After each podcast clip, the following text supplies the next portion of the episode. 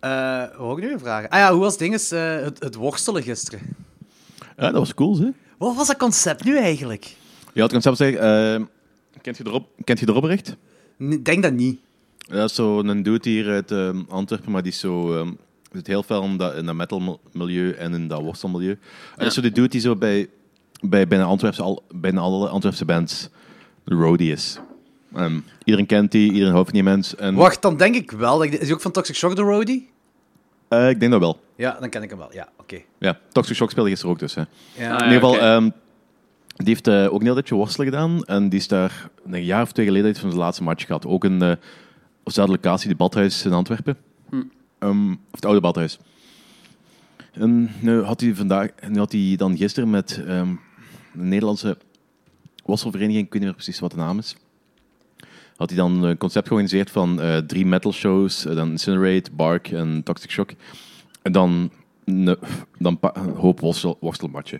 En dat was echt wel cool. Want zo, eh, ik ben op zich niet zo'n gro super grote fan ervan, want ehm, ehm, het is me vaak iets te veel acteren. Maar als het zo serieus wordt, of als je echt merkt dat die mannen pijn hebben, ben ik helemaal mee. Ik ben keihard mee als mensen pijn hebben.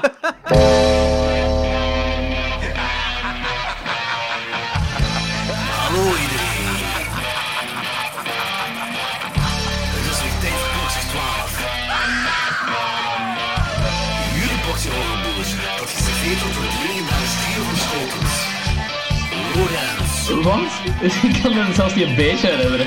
Danny Ja, fuck die, fuck die mensen. en Jordi. Haha, yes! Bier drinken. Woo!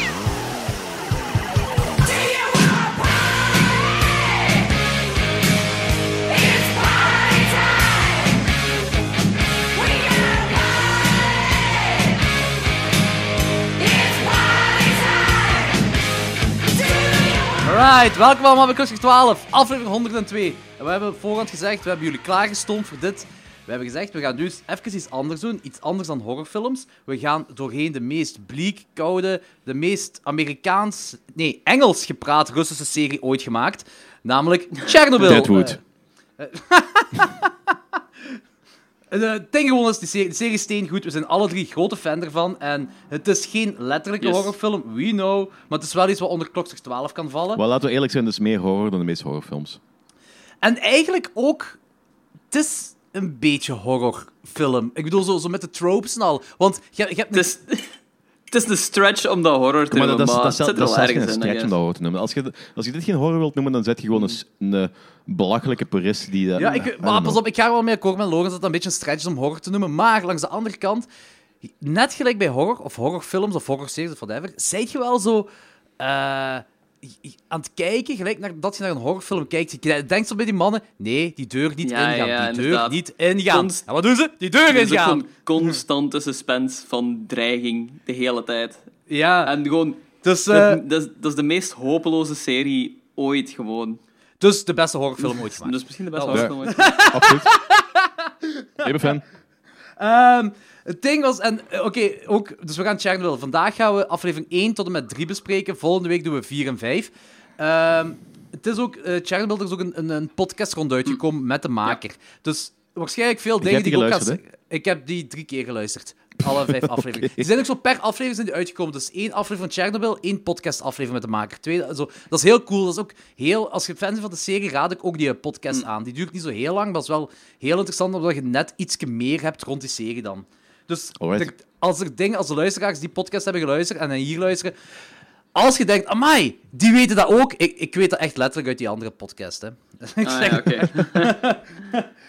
Eén van die dingen is, en dat vind ik al heel mooi om mee te beginnen. Maar we zullen eerst een introductie geven over die Chernobyl. En dan zullen we wel. We zullen nog een trekhaak doen en, en, een, en een kaakslag ook, omdat we toch nog een beetje met horrorfilms bezig Sure. zijn. Maar het ding is, eh, die, de maker zei waarom dat hij met Chernobyl, waarom hij deze serie wil maken. Als je tegen iemand zegt Titanic, dan zegt hij je grote boot dat gezonken is. En als je vraagt hoe, antwoord is ijsberg. Als je tegen iemand zegt Chernobyl, zegt hij grote ontploffing, alles dood, eh, veel radiatie. En als je vraagt hoe, ja, daar stopt het Ja, zo ja. Zeker tot die serie uitkwam. Ja, ja. Bij, de meeste, bij mij was dat, bij mij was Ik dat denk ook dat wel zo. heel veel eh, awareness heeft ge- gecreëerd. Ik denk dat ook. En het is wel Ja. het moment om dat te doen, want dat is inderdaad precies zoiets wat in de vergetelheid is geraakt. Ah, toch de oorzaak en zo daarvan, en zo de impact daarvan, zeker en vast. Ik vind het moment, wel- ik vind het moment wel verkeerd gekozen. Oké. Maar Ah, dat, is- dat, heeft, dat heeft weinig te maken met de serie op zich, maar omdat eh, we zitten momenteel met die hele klimaatdiscussie eh, dat bezig zijn en dat misschien dat er wat stemmen zijn die zeggen van kijk, we moeten misschien toch iets meer inzetten op ehm, kernenergie, waar ik, waar ik persoonlijk achter Ah, sta. ja. Maar heel veel mensen daar weer tegen zijn en omwille van de paniekredenen en dat dit helemaal niet helpt om de objectieve mening eruit te halen. Ja. Ik, Want het maakt bang. Het maakt mensen heel Het goede- bang. Het maakt mensen Ja, terecht, terecht ook wel. het goede zo aan deze Maar- timing... Oh, sorry. Ja. zeg maar verder, Danny. Ja, nee, zeg maar, zeg, ik ben min of meer Het, klaar. het goede aan deze timing is dan wel dat... ehm, ah, ik weet niet of dat het goede is, maar zo het relevante daaraan is dat we... ehm, dat, er, dat Rusland gewoon heel vaak in de media komt en dat er heel veel lusje dingen in Rusland gebeuren. En dat dit dan weer zo een Mhm. Ja, commentaar is gewoon van... Hey, Rusland is fucked up en doet fucked up dingen. Dus let's think about that for a minute. De Ja, Sovjet-Unie Rusland gaat toen in de tijd toen Ja, ja, ja, zeker en vast. Rusland gaat trouwens Hey, een eigen variant maken van Ja, deze serie. voilà. Wat ook al veel zegt. Wat ik trouwens heel Rusland raar, wat ik trouwens heel raar vond, want ze, ze beschouwden dit als een, eh, een Amerikaanse propaganda-serie tegen Rusland. Mhm. Terwijl het eigenlijk ehm, propaganda is tegenover... ehm oh ja, propaganda is veel gezegd. Het is, het, is, is een weerspiegeling van hoe, hoe dat was in de tijd van ehm USSR-Rusland. Maar dit Ja, is het nu tegenwoordig niet meer. Dus ik weet niet waar dat huidig Rusland zich boos over maakt. Want Voilà, ik vind Dat het ook wel ehm, raar allemaal. dat is, gelijk, dat is gelijk Duitsland die tegenwoordig zegt van... Oh ja, maar ze lachen gewoon met de nazi's. Niet met ons, hè. Ja. Het is wel raar allemaal ook. Dat vind ik raar. Maar Dus, maar ze, dus, gaan dat, dus ze gaan dat opnieuw... Ze gaan een rustige serie maken. Wat wel cool kan zijn, daar niet van. Lachen Maar dan eh, wat, wat zo sabotage en weegvalt allemaal aan het spel is. Dat als een CIA-agent eh, mee te maken zou hebben. Want dat is één van de verhalen Ja, het ja. rond zou gaan. ja, volgens Rusland. Maar gewoon niet ik ben ook gewoon waarschijnlijk. pro dingen die zo tegen de staat zijn en laten zien van wat een verschrikkelijk monster gewoon de staat is. Dus dat vind ik ook wel een positief punt. Oh ja? En weet je wat, wat ik ook heel zot vond in deze serie? Dit is gebeurd en dit is een menselijke fout. Eh, dat wat een paar jaar terug in Japan is gebeurd, dat, was, eh, dat was tien keer erger dan hetgeen wat in Chernobyl is gebeurd. En dat was ook de natuur. Was het tien keer erger?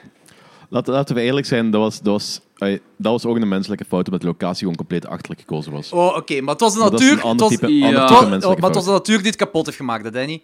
Ja. Dat is was- waar, dat is en- waar. Maar dat is zo, als je, als, ehm, als je in de buurt van een breuklijn een kerncentrale naast een fucking oceaan zet, is dat in mijn ogen een menselijke fout, omdat hij geen rekening hou- heeft gehouden met de ehm vernielskracht van natuur. Ja, maar de, de, de natuur is nergens te vertrouwen. Ja, voilà. Pukkelpop had ook niemand verwacht. hè. Als dat gebeurt boven een kerncentrale, is ook alles naar de kloten. Dat is ook geen plaats. Ja, maar dat, dat, dat, vind ik nog net, dat vind ik net iets anders. Ik blijf bij breuklijn en naast een oceaan. Ik bedoel, eh, tsunamis gebeuren. Je hebt, je hebt En meer die kans, kunnen je hebt meer kans, je hebt meer kans daarop, wil je zeggen. Je, je, je procentueel meer kans dat daar iets natuurlijk kapot gaat gaan. Ah, door de natuur gaat kapot Ja, gaan. het is, het is gewoon geen rekening mee gehouden met het feit dat, dat iets wat om de zoveel tijd daar gebeurt, ook effectief ging gebeuren. En je zet er een van de, een van de meest kwetsbare en anderzijds gevaarlijke... een van de gevaarlijkste eh, dingen ter wereld zet je daar neer. Wat, Ja. wat, eh, wat, wat, jij ook, ja, wat jij zegt, inderdaad. Zo door, door, eh, Ah, eh, trouwens, ik heb heel snel even opgezocht en ik wil die niet Mhm. zo voor de bus gooien, Jordi, maar hier staat dat Fukushima en Chernobyl beide ehm, level 7 waren van nuclear accidents, maar dat de, ja, maar en dat is de health consequences in Japan are mus- much less severe en dat er maar 1 tiende ehm, radioactief materiaal verspreid was in Fukushima dan in Chernobyl. ja, misschien wel. Misschien wel, ja. Dat is wat Wes in ieder geval tegen mij Oké. zei. Veel erger was daar. Ehm, Misschien houdt Wesley gewoon van eh, sensatie. Nee, Wes is eigenlijk wel een die het gewoon objectief wil houden. Die houdt eigenlijk helemaal niet van sensatie.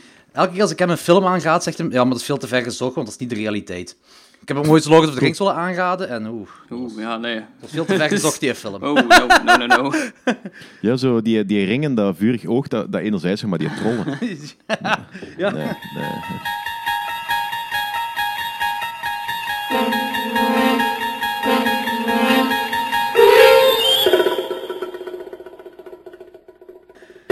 Bon, maar voor Leeuwen to Chernobyl gaan, eh eerst de trekhaak. Eh, ik heb eigenlijk niks gezien buiten de eerste aflevering van Twilight Zone.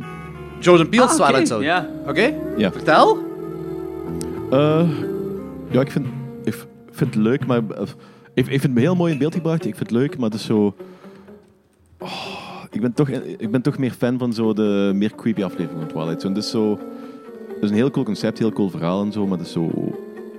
Wat was Het me wel. Het was, een be- was een beetje een Dat is een drag. comedian, Wat hè? is de eerste aflevering met die weer? De comedian, ja. Met, ja. Staat op YouTube ook, volgens mij, volledig. Oké. Ja, ik moet gewoon via het Telenet bij aan het kijken. Ah, ja, Ah, oké, ja, oké. Ehm, Oké, eh, ik zit op dezelfde hoogte, want ik was ook niet echt 100% mee. Het, staat- het ziet er leuk, het ziet er mooi uit, dat wel, ja, dat is wel waar. Maar ik ga nog wel een paar afleveringen kijken. Voor hetzelfde geld, eh, voor die volgende is die 30.000 eh, Terror at 30.000 meters above ground, of hoe heet dat? Ah, ja. ja. Het is geen remake, hè? Dus, ja, Maar het is, het is wel. Dus, ergens maar- zo'n beetje hetzelfde concept, niet? Ah, Ja, niet hetzelfde gewoon, concept, maar gewoon al het feit dat ze die titel Ja, gebruiken. voilà. Of, Het is, Ik vind het heel het is niet met een gremlin, zal ik het zo is. zeggen. het is niet met een gremlin. Ja, ja, ja. het gaat sowieso gerelateerd zijn. Het gaat sowieso beïnvloed. Beïnvloed sowieso, beïnvloed sowieso. Maar zijn ze allemaal wel, zijn ze allemaal wel. Maar die, die vond je wel fijn, Alright. zeker, hè? Eh, ik vind echt alleen de allerlaatste echt goed. Ah, oké. de, de, eer- de eerste drie ben ik vrij eh, middelmatig over. Oké, zo. Eh, en Lorenz, had jij gezien? Ehm, ik heb nog één ding gezien. Ik heb The Addams Family gezien. Ja, zalig, cool. Ehm, fuck, hoe is The Addams Family? Hoe lang is het geleden dat je Oh The ja, Addams een paar Family weken geleden ook nog gezien. Die is zo... Een paar ah, weken geleden ook nog gezien, maar niet vermeld vorige week. Ah, oké. Man, die is zo goed en die blijft ook nog heel grappig. Ja. Eh, want ik was die film ook gewoon compleet vergeten. En zeker hoe grappig dat die was. En die is ook zo spooky met momenten. Echt ja, zo griezelig, gelijk zou ik wel zeggen. Ehm, Mhm. En dat is een hele fijne film en nog altijd gewoon heel grappig. Die, die is zo niet verouderd. Dus eh, aanrader. Christopher Lloyd, zalig. Wacht, ik ga even mijn katten een kopje kleiner maken. Doe maar door. Oké. Oh. Eh, Vester is er binnenkort in België. Wat, hè? Echt? Ja, Christopher Lloyd, die komt naar Fax. Ah, oké. Gaat je gaan naar Facts, trouwens? Misschien, dat weet ik niet. Hangt er, Machteld gaat met, met haar zus, dat weet ik. Ik weet nog niet zeker of ik ga gaan. Maar ik Ah, wil wel ja, gaan, oké. gewoon al om Christopher Lloyd. Ik heb hem al eens gezien een paar jaar geleden op Facts wel. Eh, ah, oké. Dus dat is Ze- wel cool. ze- Heb je een handtekening daarvan? Nee, jong, dat was eh, gelijk 7 uur Ah, ja. aanschuiven. Ja, en dat kost zo 100 euro dan voor een handtekening. Dat is zo Ook nooit waard waarschijnlijk. voor mij. Ja, Waarschijnlijk, ja. 20 euro wil ik nog wel geven. Maar Ja, maar ik, heb, ik heb wel zo die, die videocassette, dat is echt zo'n box, de trilogiebox van Back to the Future als videocassette. Dat wil ik misschien nog Ah, wel ja, laten tekenen, als dat niet letterlijk 100 euro kost. ja, ja oké. Ah, dat is toch wel fijn. Maar, Wat is uw zien. mening eigenlijk over het feit dat zo die celebrities geld vragen voor handtekeningen? Maar ik, ik, ik vind het niet erg, ze doen maar op. Maar ik vind als je zo gelijk... Inderdaad, als je gelijk Christopher Lloyd als die 100 euro zou vragen, dan vind ik te veel. Eh, Mhm. ik- als ze zo 20, 25 euro, daar kan ik mee leven. Maar gelijk Bruce Campbell vroeg ook... Nee, ofwel Bruce Campbell ofwel Tom Savini. Een van die drie- twee vroeg eh 95 euro op die horrorconventie. Ja, Eh, is veel, Christopher. Lloyd, ja, die zal misschien ook wel een pak... Maar ik heb pas gehoord dat Arnold Schwarzenegger naar een conventie gaat in, eh, in Londen, of ergens in, in Engeland. En hij zou 500 euro vragen. 500 euro, holy shit. Ik ken iemand, een kameraad van mij staat ermee op de foto. Ik wil gewoon even zeggen, er is no way in hell dat ik ooit voor iemand betaal voor een handtekening. Ja, ik heb dat toen gedaan met al die horror-dingen voor in de podcast. Hè, dat, die, dat ik een handtekening Ah, ja, vroeg en ja, dat ze zo hun ding zeiden eh, over klokslag 12 voor die intro's Ja, te dat, maken. dat, is, dat is leuk, maar dat is zo no way in hell dat ik dat doe. Ik snap wel ergens dat die dat vragen, want anders... Ja, anders is het Ja, gewoon ik snap niet niet te dat vragen, maar ik snap niet dat mensen dat betalen. Ja, dat snap Maar ik heb dat ook gedaan. Zo. Christian doet dat constant. Ik moest voor Christian handtekeningen verzamelen zelfs daar, toen ik op de Ah, ja, conventie voilà. was. Eh, maar ik vind zo t- 15 tot 20 euro wil ik nog wel geven voor een handtekening. En het is ook niet gewoon dat ik het op een papiertje laat zetten. Het is echt zo, ik heb mijn Ja. die Texas Chainsaw Massacre videocassette heb ik laten tekenen door Grandpa en eh Dingske met dat rood broekje. Eh, en Cannibal ja. Holocaust door Deodato, de vinylplaat, dat moest ik laten tekenen.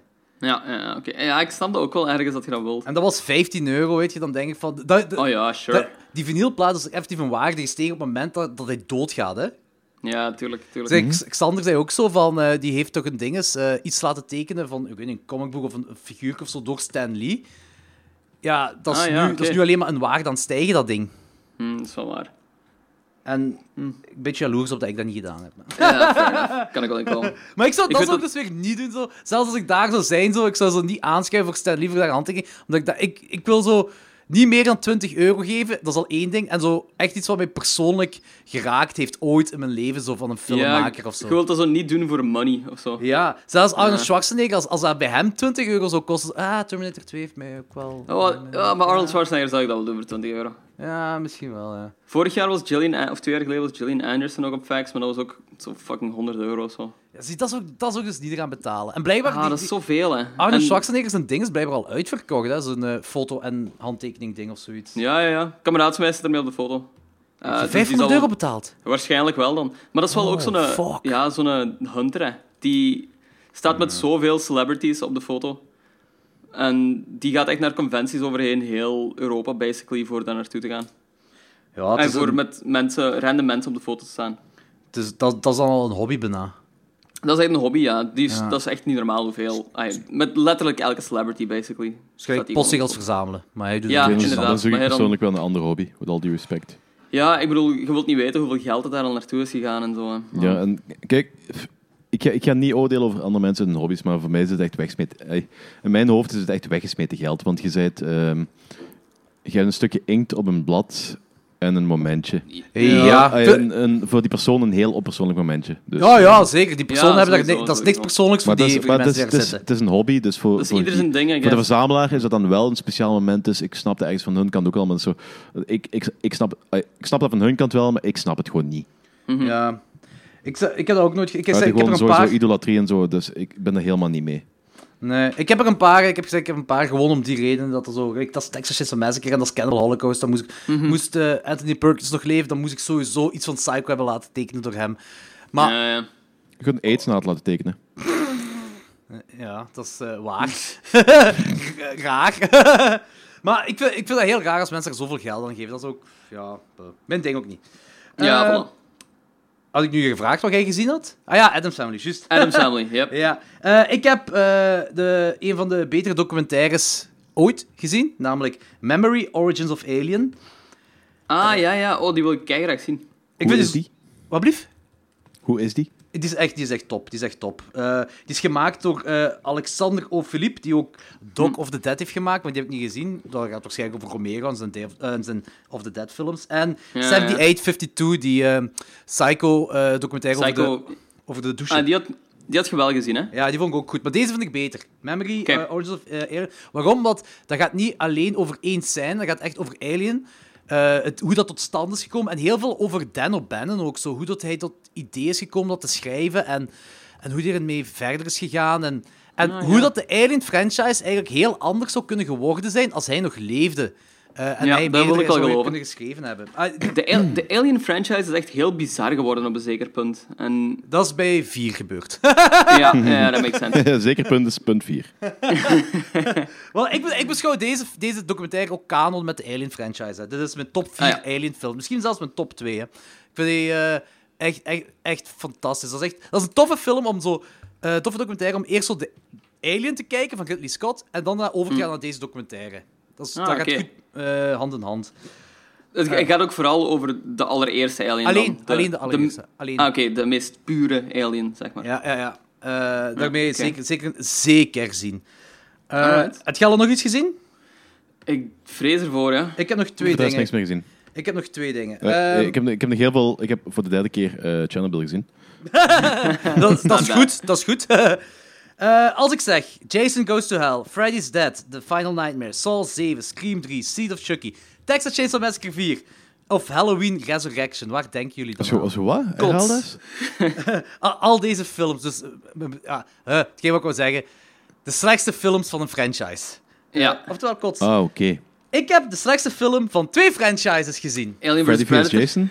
Nee, oh, ook niet slecht. Alien vs. Predator 2, Ah ja. Requiem. juist. Oeh, ja, oké. Waarom heb je dat gezien? Jordi, waarom heb je dat gezien? Omdat ik een completist ben. En eh, ik heb alles van Alien meerdere keren gezien. Eh, En alleen Alien vs. Predator 1 heb ik toen eh, in deze podcast zelfs in een track gezien op aanraden van Ja. Danny. En die vond ik wel sava. Ik, vond Ik zeker vind een dat idee film. wel boeiend genoeg. Het, het idee, het idee is fantastisch. Dat, vind ik, dat moet ik, het idee is keigoed. En Maar- ook gewoon, dat wordt al gehint in Predator 2. En dat, dat idee vind ik fantastisch. Ah ja, die- ja. ja. Ah ja, maar, tuurlijk, ja. Maar Alien vs. Predator, dus die eerste, die, het is geen waanzinnig goede film, maar dat is gewoon een leuke popcornfilm. Die vond ik echt nog wel tof. Ja. Eh, deze niet. Eh, Wa- dus no. Wat was er het eerst trouwens? Was het, er het eerste zo'n videogame of het eerste de film?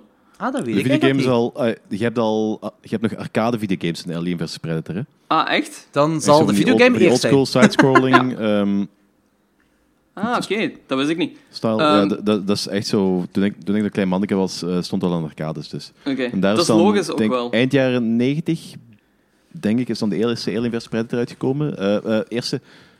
Nee, een, een, een nieuw videospel, maar zo... ehm, die wat je kent waarschijnlijk. Die first person... Ah, ja.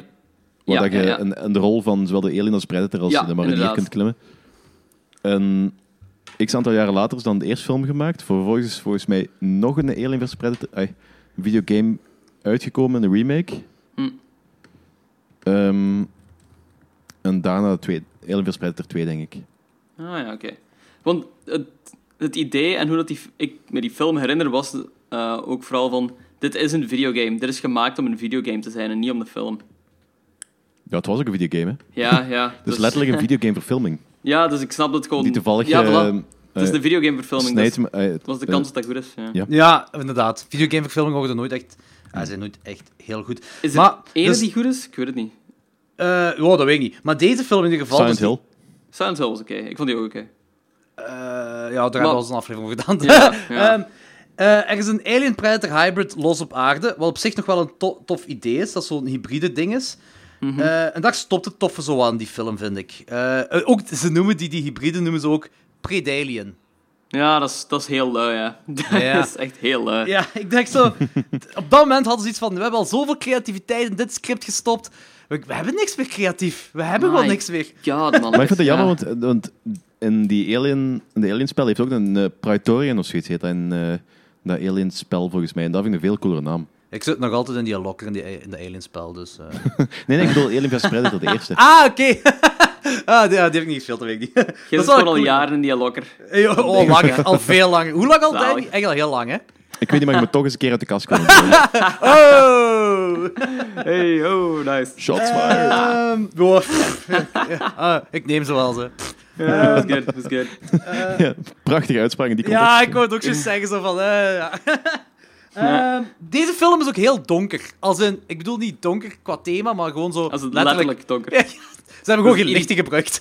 Dat is vaak irritant om naar te kijken. Ook Je ziet niks! Dat, is Ja. echt, dat is echt moeilijk om te volgen. Kun je er in die X-Files heeft ook zo'n periode gehad die echt zo heel donkere afleveringen hadden. En dan kun je zo niet overdag kijken of zo zelfs. Dat is echt belachelijk. Ik heb deze s'avonds gekeken, ik kon het zelfs niet kijken. Ah, voilà. Ja. Dat was, nee, dat was, dat was Ja. echt... Maar ik denk dat gedaan is om zo... Want je ziet niet echt veel van heel slechte effecten. En ik denk dat dat daarom gedaan is. Om, zo'n beetje Om te slechte maskeren. effecten te verbergen, ja. Ja. Oei, dat is wel lame. Ja, dat is lui. Ja. Maar ja, Oké. het is, ja, als je je dingen, je, je monster Predalien noemt, waarom verwacht je dan? Ja, nu is voilà, wat. inderdaad. Ik moet, moet, wel eerlijk, moet wel eerlijk zeggen, dat, dat, is, dat is geen goede film.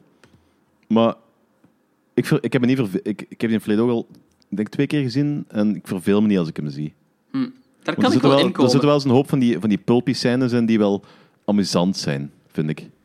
En dat ze ook totaal geen respect hebben voor, ki- voor kinderen en baby's. Dat vind ik sadistisch gezien vrij ehm, fucked up. Ja, nee, dat snap ik, dat snap ik, dat, nee, dat snap ik wel zo. Maar ik heb ook niet verveeld bij die film. Dat nu niet, maar die is gewoon, ik vond die gewoon... Ja, maar ik, eh, het, is, het is geen goede film, hè. ja, ik vind, ik vind het echt de slechtste van heel de franchise. Ik vind, ik vind hem slechter ook dan The Predator. Ja. Eh, Oh man, dat is al veel Oh, dat, zeggen. vind ik, dat vind ik een strafuitspraak. Ik kijk liever deze op, vijf keer opnieuw dan nog één keer de Predator. Serieus. Mhm. Dat vond ik echt een kutfilm. Ja, ik vond Ja, deze ook Deze, vind ik- deze, deze geeft gewoon toe dat hem niet goed is. Ik vind deze ook echt wel een kutfilm. ik vind deze, deze ook echt... De Predator kon ik tenminste zien. Oh ja. Maar dat wou je Nee, niet zien, dat was het verschil. Ja, dat is wel waar. Die film is donkerder. Niemand wil deze zien. Kom, donkerder, donkerder. Maak het zwartig. Eh, de laatste film dat ik gezien heb is In the Tall Grass. Nieuwe Netflix original. Ah, eh, ja, die heb ik vrijdag voorbij zien komen, omdat, we nog, eh, omdat ik Seven nog door wou jagen. Heb ik die geskipt. Ja. Ik ben Eh, heel wa- benieuwd. Ik, ik was mee, ik, ik vond dat cool. Die krijgt, die krijgt, heb ik zo de indruk op internet zie ik dat er zo veel slechte commentaar komt. Als een, er Echt? gebeurt niks en die zal, we zijn al een half uur into de film en er gebeurt nog altijd niks. En Oké. dat is heel raar. De, die speel, de- je kunt er wel niet veel over zeggen. Er gaat zo, eh, dat begint met broer en zus. Eh, die horen een jongetje schreeuwen in heel hoog gras, zo hoog als maïs. Eh, Ja. En die broer en zus wil dat jongetje gaan redden. Eh, en in dat gras gebeurt van alles, maar echt zo ander En er zitten raptors. Ja. onder andere. Dit is eigenlijk gewoon een sequel van Jurassic World. Ah. Ehm, Lost nee, World. ehm, de- de- dat zijn zo echt zo van die Twilight Zone-achtige, misschien zelfs Lovecraftiaanse dingen, dat er- maar zo echt zo otherworldly zo. Dat Ja. je zo eh andere dimensie-achtige dingen dat erin gebeuren en je snapt het niet echt, je weet het niet echt en eh, het evolueert van daaruit. Het is ook op basis van een kort verhaal, zeker, hè? Dat weet Danny. Ja. Eh, het, is, dat. ehm, het is naar een verhaal van Stephen King en zijn zoon Joe Hill. Ah, die ja. ook, die ook Horns en zo heeft gemaakt. Ja. Ah, ja, oké. Ja, ik vond deze cool, ik vond deze tof. Ik snap de haat niet, zal ik het zo zeggen. Ik vond, ik Ja, vond ik- wel ik-. Ik vind het tof om Ik te heb, kijken. ik heb echt geen flauw idee, dus ik ben nog een clean slate op vlak van eh, mijn mening. Maar dat is zo, ik- de meningen waar ik nu al over lees, de hater-meningen zijn ze geschreven op een manier dat, dat ik er waarschijnlijk niet mee akkoord ga gaan.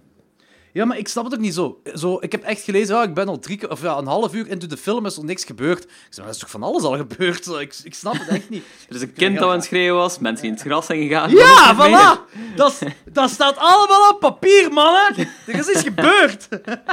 Ah, dat is van Eh. dezelfde regisseur als Cube, blijkbaar.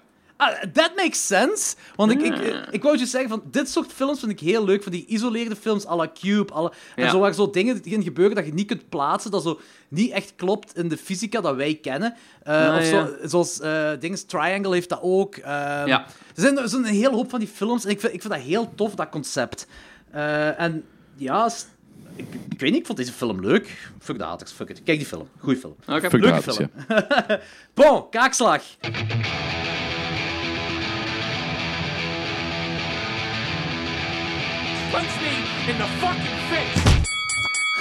Ik heb eh, in, de, in de vorige aflevering eh, wist ik nog niet welke kaakslagfilm ik zou kiezen, maar ondertussen weet ik het wel. Ik heb gekozen voor eh, een film met een IMDb-credit van 5,3 op 10, een audience score op Rotten Tomatoes van 42%, maar het belangrijkste, een critic score op Rotten Tomatoes van 26%. En die film is de Paris Hilton klassieker The House of X remake uit 2005. Ah, ja, moest- moesten we die nu, gaat je nu aankondigen of moesten we het nu, eh, nu al zien? ja, Ik heb, ik heb hem gezien, alleszins. Ja, die moest je gezien? gezien? hebben, ja. Ja, ik heb hem lang geleden gezien, dus ik kan mijn mening wel zeggen als je wilt. Eh, Oké, is goed. Eh, ik weet dat uw mening laag is, dus jij mag eerst. Ja, oké. eh, die film is voor mij een hoop bagger, maar Paris Hilton sterft er wel in. Dus dat is... Ik weet dat ook letterlijk zo de tagline was, Watch Paris Die. Ja. En dat was een ongelooflijk mooi moment. Dat is, ik- dat is, dat is oprecht hartverwarmend. Het was ook Dus heel ik, hoop- is ik, hoop effectief dat er een sequel met de, met de, ik hoop effectief dat er een sequel met de Kardashians komt. maar maar eh, eh, ja, het is toch een mis voor mij. Toch, ja? Maar hoe lang is Ja. geleden dat je die gezien hebt? Bedoeling is wel dat je die recent opnieuw kijkt, hè, in de kaakslag. zal ik eens opnieuw kijken en dan mijn mening geven, maar ik kan u nu al zeggen dat ik hem crap ga vinden. Eh, Oké, dan. Is goed. En eh Logans? Ehm, ik heb hem een 2,5 op 5 gegeven. Echt heel nipt is hem door. Want ik vond hem ergens nog wel entertainend. En er zitten wel een paar toffe momenten in. Maar het is zo... ey, het is zo'n eh, checkbox horrorfilm. Ja, het, is, het is super... Ja. eh, het is een formule gewoon dat is toegepast. het is ook 2005, hè. Ja, voilà. Maar ik vond hem ergens nog wel sava. Het idee is wel cool, maar het is, ja, het is wel een remake. Dus... Ja, maar het is, ik vind, het is geen... Het is geen... Het is geen letterlijke remake. De remake het is meer een remake van Tourist Trap uit 1979. Ah, oké. De, de veel meer we- weg van Tourist Trap, vind ik. Eh, Tourist Trap heb ik nooit gezien. Ja, Tourist Trap vond ik een beetje saai. Eh, Ja. deze, maar het is, bij mij is gewoon waar alles sa- samenkomt, is dat laatste. Dat geheel van wanneer alles begint te smelten. Dat is een heel Ja. lange sequentie. Ah, dat vind ik ja, heel mooi in elkaar steken. En dat vind ik heel, heel... Alles klopt op dat moment zo. Ja, Eh, oké. Ik vind dat gewoon een heel Maar- toffe film. Een heel toffe slasher-achtige eh, film. Maar het is Ja. niet echt dat, een slasher. Maar slasher-achtig. Maar iedereen acteert er ook zo heel matig in. Zo die, ja, Paris Hilton, obviously. En dan die Alicia Cuthbert, of Cuthbert, of hoe ook zegt, die is ook zo matig allemaal. Die dudes zijn ook zo heel typisch allemaal. Dus het is zo moeilijk om je zo wat vast te aan het personage. De, de personages zijn, ja, dat zijn, dat zijn, dat zijn de typische, dat, is, dat zijn de typische Idiots. gem- gemiddelde Ja. Horror-personages, hè. ja, maar, ja, maar zo typische American idiots. Ja, ja, ja, ja, zeker. Ja, ja, dat is ook... Nee, nee, compleet gelijk in. Compleet gelijk in. Eh, maar oké, va. Eh, ja, ik, Ik geef hem 2,5, want ik vond hem ergens toch wel... Het past the time, dus ik ga hem niet buizen. Ik heb wel slechtere dingen gezien. En ik vind het ook goed dat de film zichzelf zo niet te serieus neemt. Ik bedoel, aangezien die tagline is van Watch Paris Die. Eh, dat Ja, apprecieer ik wel, dus... en alles is wat tong-in-cheek in die film ook. hè. Ja, voilà. Eh, dat vind ik wel cool. Eh, oké, zwart. Eh, ja, dat is een hit dan, hè? House ja, nipt. Een heel, heel, heel nip, nipte hit. Een nipte hit. Een nipte Een hit. nipte hit. Eh, goed. Nipt. De volgende is dan voor u, eh Danny. Oké, maar daar ga ik nog moeten over nadenken. Ja, oké. I was working in the lab late one night when my eyes beheld an eerie sight. For my monster from his slab began to rise, and suddenly, to my surprise, He did the mash, he did the monster mash. the monster mash. It was a graveyard smash. He did the mash, It caught on in a flash. he did the mash, He did the monster mash. From my laboratory in the castle east to the master bedroom where the vampires feast. The ghouls all came from their humble abode to get a jolt from my electrode. They did the mash, They did the monster mash. the monster mash. It was a graveyard smash. They did the mash, It caught on in a flash. they did the mash. They did the monster mash. The zombies were having fun. In The party had just begun. in The guests Wolfman, Dracula, and his son.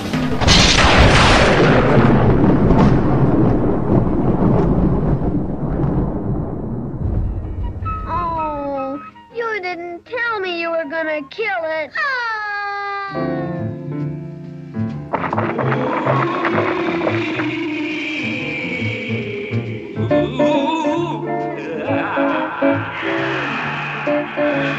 Het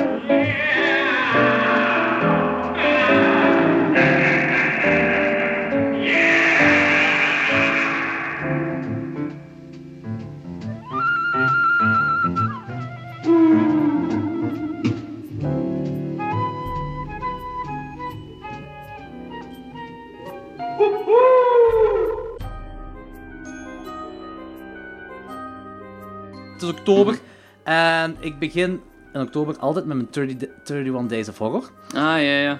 Eh, deze keer heb ik het mezelf heel makkelijk gemaakt, want ik heb de vorige keer heb ik het ook niet, kunnen, heb ik het niet gehaald. Je gaat deze keer maar één film per dag kijken. Ja, dat is één ding, dat is klopt, dat klopt. Wacht, hoeveel films had je vorig jaar gezien bij oktober? Eh, ik, ik had de 31 films niet gehaald. Ik weet niet meer hoeveel Ah, ik heb gehaald, ja. maar 31 heb ik niet gehaald. Zwak. Eh, ja, ik weet het. Kan, kan beter, kan beter. Eh, maar deze keer heb ik de 30 31 Days of Horror de Classic Edition genomen. Als in altijd een klassieker nemen van een bepaalde regisseur of acteur of whatever. Alright. Eh, en de eerste dag moest ik een Hitchcock Classic nemen. ik heb Psycho genomen, omdat ik een cliché-mens ben. En- eh, ja, oké. de film is nog altijd tof, maar... maar er is zo één ding dat ik nooit had gezien in de film, of nooit had gehoord. En je moet maar eens checken op YouTube of zo. Maar als je de reveal op laatste hebt, dus je hebt zo... Ja. eh, eh, de blonde dame dat zo de moeder ontdekt, zal ik het zo zeggen. En Norman Bates komt binnen, eh, verkleed. Op dat moment hoort je zo, echt zo in de verte, ook zo... Ah, Norman Bates. Dat is zo... Ja, dat is echt... Check dat. Check gewoon Reveal... Check nu op YouTube. Reveal Psycho. En vanaf 1 minuut 10 heb je dat. Ah, Norman Bates.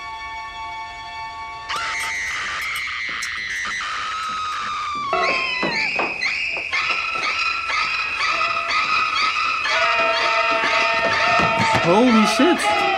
Hoe raar is dat? Ik hoor dat zelfs tot hier. Dat is Ik hoor, ja, ik hoor dat ook. Ah, ja, oké. ik wist dat echt niet. Oh, Dat is kei bizar. Ja. dat is ook iets raar om erin te steken. Zo. Dat Waarom is dat? Wat is... Ik weet dat niet. Ik vond het... Dat is misschien voor de mensen die het niet snapten. Maar die, In die tijd, Die ja, dat kan kerel- misschien wel. maar die kerel die zegt dat ook niet. Ay, Norman Bates zegt het ook niet. Nee, ja, dat lijkt toch niet zo, hè? Nee, nee, helemaal niet. Het is toch raar dat, dat erin is steekt? raar, jong. Ja, de film heb ik 300 keer gezien, nu pas is me dat opgevallen. En heb je daar iets van opgezocht of zo? Waarom Nee, dat nee, is? nee, ik wou jullie dat gewoon laten, laten horen, dat dat, dat, dat echt is, omdat ik dat grappig vond. Ik, Ja, ik, snap, ik- snap dat wel. Ja. Ik ben ook... Ik heb even gegoogeld van I'm Norman Bates Psycho Reveal. En het eerste waar ik opkom is... Mensen vragen ook... Does Norman kiss his mom? Dat is het belangrijk. Dat is wat mensen willen weten. Weird. Ah, geniaal. Om verder te gaan, eh, mijn dag 2 was een Anthony Hopkins classic. Ja, Silence of the Lambs genomen. Ik zei, het gaat echt Ah, alleen klassiekers. Ja, ja, het gaat echt klassiekers zijn. En eh, ik zou eigenlijk ook wel eens een Hannibal franchise retrospective willen doen. Heel graag. Inclusief Manhunter ook zo. Eh, Ja, maar dat is sowieso de Manhunter erbij en dan Red Dragon. Ah, Ja, er allebei. vijf films of zo zijn dat dan zeker?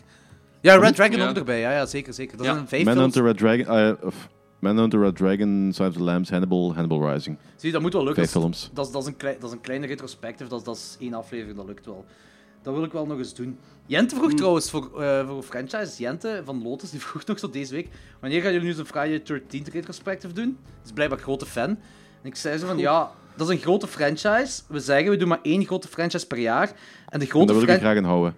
Ja, want anders- dat krijg we ik niet Ja, gedaan, ja. Ja, dat gaat- deze, jaar, deze jaar doen we dat helemaal niet meer. Nee, maar ook Nee, nee. de grote franchises wat we tot nu toe hebben gedaan, dat is als er een nieuwe film van die franchise uitkomt, en dan Ja. werken we er naartoe. Nu, als ik er even over nadenk, bij Friday 13, de kans dat dat nog gaat gebeuren, is heel nihil. Want dat is, dat, recht, er zijn heel veel rechten dat opgesplitst zijn. Ja, en dat is, ja. blijkbaar is dat mega zot. Als, ik denk niet dat we ooit nog een Friday 13 film gaan kijken. Eh, krijgen. Mm. Eh, kijken wel, maar krijgen niet. Maar nu was mijn idee, eh, niet volgend jaar, maar zo... Misschien als we vijf jaar bestaan, of zo, of een jaar dat we vijf jaar bestaan, om de twee grootste bij elkaar te doen. Eh, en daar een giga afleveringen van maken. Dus dat we beginnen misschien met A Nightmare on Elm Street, en dan doorgaan met Friday 13 en eindigen met Freddy vs. Jason. Oeh, stevig. Dat is stevig, Eh, maar...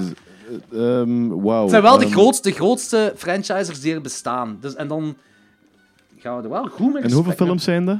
Oh, dat is 53. Nee, ik weet het niet. Ehm, tch, dat weet ik niet, maar we gaan toch een goede maand bezig zijn volgens mij. Zo. Misschien twee maanden. Of misschien doen we e- ene op begin van het jaar en andere op het einde van het jaar en dan de vergelijking maken. Mm. Dat is trouwens iets wat we in de eerste aflevering hebben gezegd.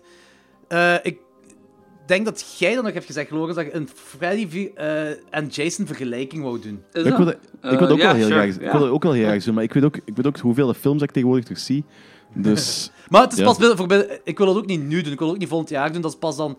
Was vijf, wanneer bestaan vijf jaar? 2022, 2023? oh ja, tegen dan is eh, Baby 2 ook al ouder, dus... eh, Baby 3 is dan nog klein. Maar Baby 4 is bijna een aantocht. Maar- Nee, nee, we stoppen, we stoppen naar twee, dus. Eh, maar ik denk dat het 2022 is of 2023 of zo. Maar, want er gaan to- volgens mij gaat er ook geen nieuwe Nightmare on Elm Street film meer uitkomen. Ik denk ook dat er iets met rechte dingen zit. Friday 13 ben ik bijna zeker van dat het niet meer gaat uitkomen. Dus ik zou zeggen... Ja, of, ik durf daar eigenlijk geld op in te zetten dat dat wel nog gaat gebeuren een dag. Money finds a way, ja, ja. Money, Money finds a way. finds a way, uiteindelijk die, al die rechte shit raakt wel opgelost doordat Money away vindt. Finds. Finds. money eh, fi- finds a way. Er is zo één, één, één acteur van eh, Friday 13 eh, Part 3, dat is een advocaat. En die zit zo om de zoveel tijd tweets te maken over hoe het nu zit met eh, de rechten van Friday 13. Hij zit zelf man. niet in die rechtszaak, maar hij houdt zich daar wel mee bezig. Hij, houdt, hij is daarvan op de hoogte van alles. En hij, tot in detail spit hem dat uit. Ik heb dat allemaal niet gelezen, dat is echt kei saai. Maar Ja. dat is wel voor de mensen die daar interesse in hebben. Volg, hoe heet hem? Charlie, met zijn krullen van Friday 13 Part 3. Geen idee. Ja. Eh, dus dat is dan eh, met Jente. Met zijn krullen. Ja, voilà. Jente, dat is dan voor 2022 of 2023 gaan we dat doen. Maar we moeten misschien nog wel beslissen welke de grote franchise voor volgend jaar gaat zijn. Ah, oké. Eh, en ik heb nieuws. Er gaan drie franchises verlengd worden. Dus we hebben keuze tussen die drie. Ik zal het eens even zeggen. Ik heb, ik heb opzoekwerk te doen. De eerste, dat zou ik al liever niet doen. Maar als jullie die wel willen doen, ça va, dan doen we. Maar ik, ik liever niet. Dus de eerste is, er gaat een Conjuring 3 komen. Wat dus betekent dat we zitten nu op meer spin-offs dan dat er effectief sequels zijn. Zelfs met die derde erbij. Inderdaad. Eh, Wat irritant is. ja, voilà. En eh, dat, dat is denk ik al de reden waarom ik dat niet wil doen. maar, ja, inderdaad. Ook bij deze- Ja, dus, dus, gewoon de films die Die zijn. sequels, fuck dat.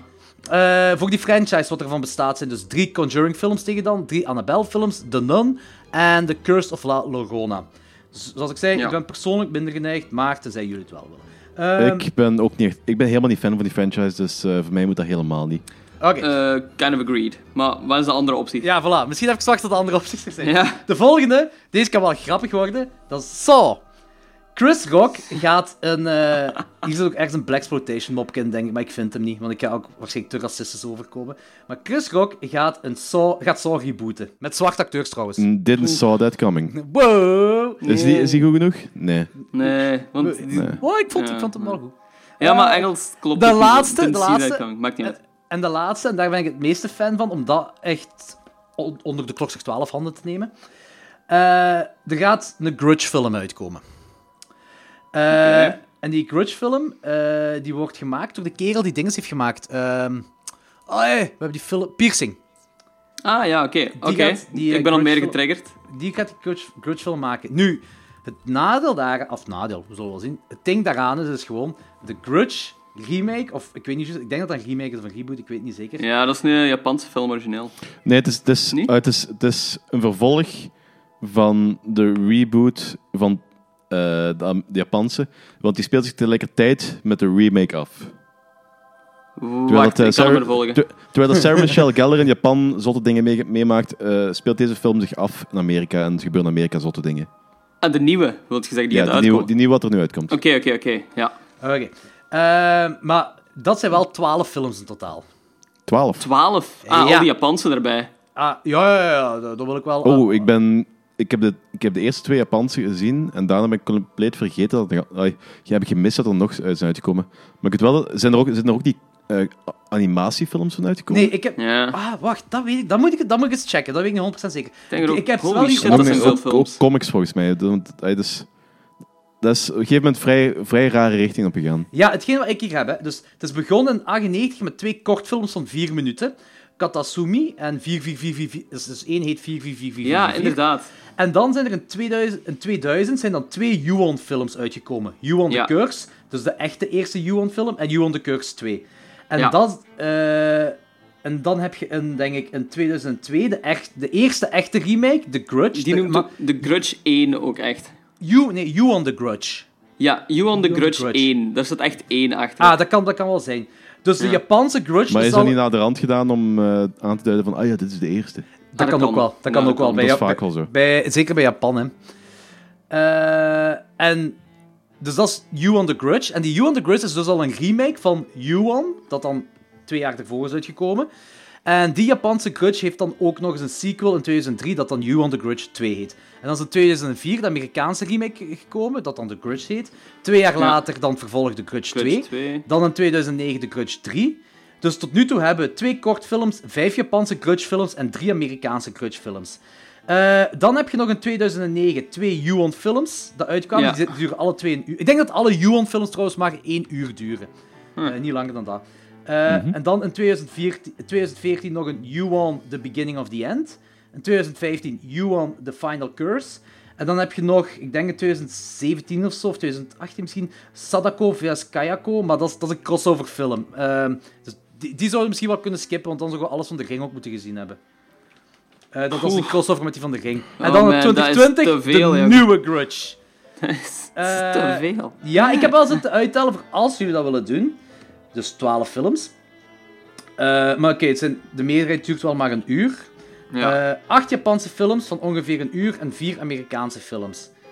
Eh, er zijn 12 films. Dat is eigenlijk ongeveer bijna evenveel, denk ik, als onze Halloween-franchise. De keuze ligt bij jullie. Wat willen jullie doen?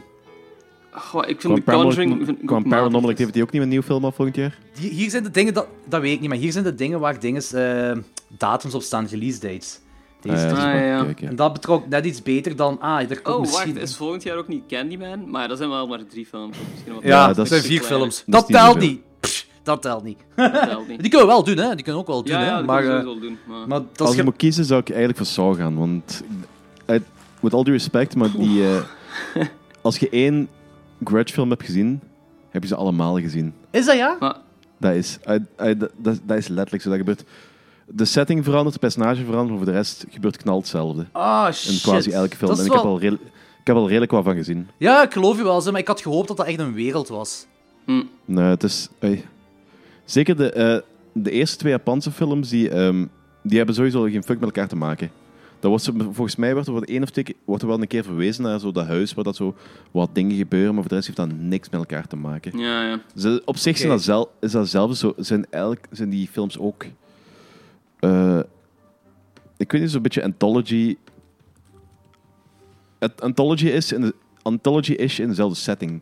Ja, dan, dan, dan gebeurt er dat met dat personage, vervolgens gaat het naar dat personage. En het komt ergens wel een beetje samen, maar niet op een heel briljante, wow, wat een einde manier. Ja, ja. Ah, oké. Dat, is- dat, is wel, dat is wel een beetje teleurstellend om te horen. Ja, kijk, kijk die eerste twee Japanse is en...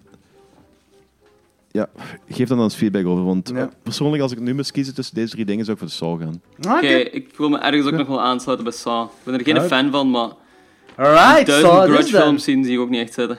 Ja, oké. Dan, eh, want het was ook het ding, Grudge, die komt uit op 3 januari. dat zou zo Ja, dat is een januari, januari zou dan de Grudge maand worden. Ja. Maar, zwart, dat is grappig dan. Dus dan gaat dat... eh, ik ga wel eens kijken wanneer die Saw reboot, wanneer dat de release date juist gaat zijn. Eh, Ja. En dan zullen we daar iets rond plannen. Eh, goed, en dan, ja, dat was, eh, sorry voor de intermezzo van de franchises, maar ja, dat is uitgeklaard, dat weten we dan ook al. Om de 31 dagen horrorsegment af te sluiten, nummer 3 was een Brian De Palma classic, Carrie heb ik genomen, want dat is gelijk Nice. fucking 200 jaar geleden dat die film gezien heb.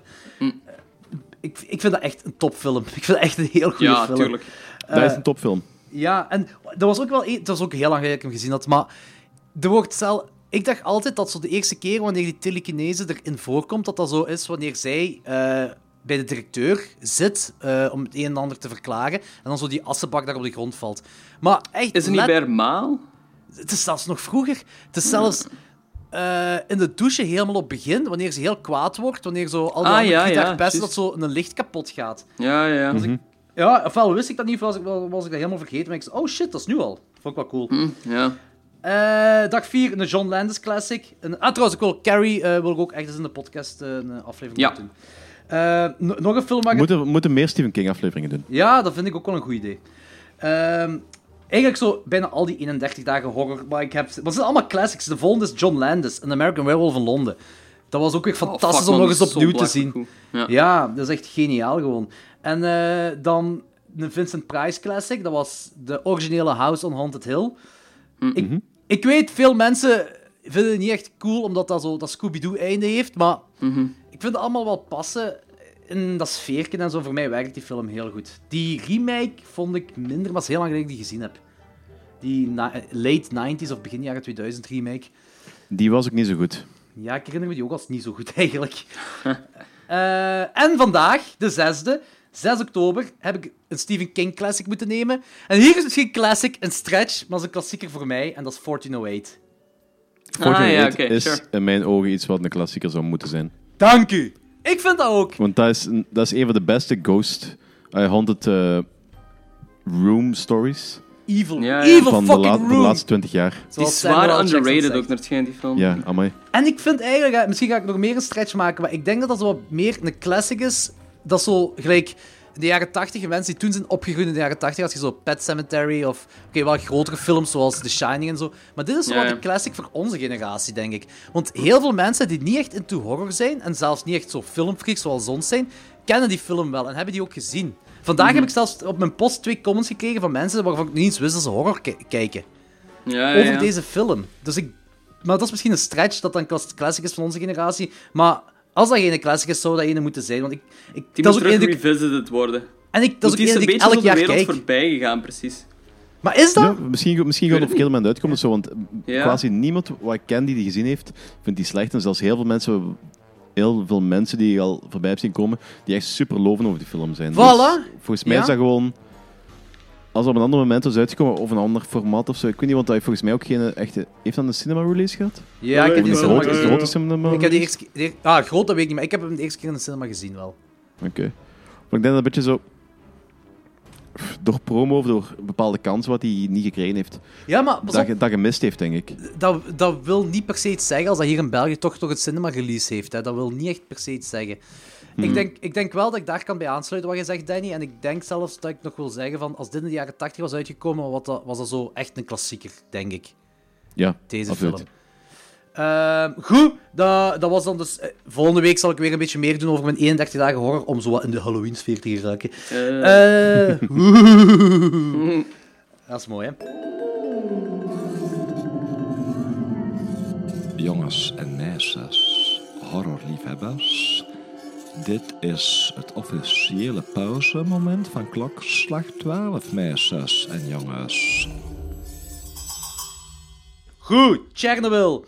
Een miniserie gecreëerd, gecreëerd door Craig Mazin. Mazin. Mazin, whatever. Eh, heel grote film. ik denk niet heel- Mazijn.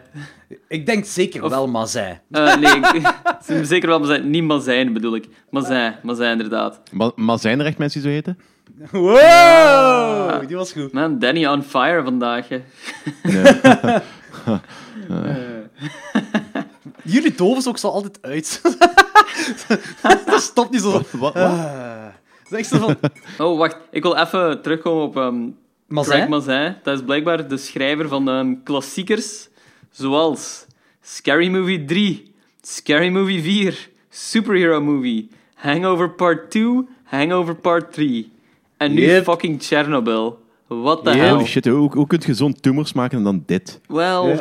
Ik moet zeggen, shit, Hangover ja. 2 vind ik nog tof, maar dat is het enigste. Ja, en dat is waar. Tof. Dat is gewoon omdat het hetzelfde is als het eerste. En de eerste was fijn. Dus, Ja, de, de, derde is, de derde is echt een tumor, letterlijk. ja. ja, inderdaad. My god. Scary Movie 3 en 4 ook. My god, inderdaad. Eh, eh, en dan heb je Chernobyl, hè, wat, wat eigenlijk ook wel een grappige serie is. Hè. Allee. Eh, voor sommige mensen. Ja, er zit wel zo'n zo'n bepaald eh, humoristische ondertoon in. Het heeft een paar grappige momenten. I guess. Ik heb zo een paar keer gegniffeld met zo die Met twee de mannen. minister, minister of Coal. dat was een grappig moment. Alles met de was een grappig grappig.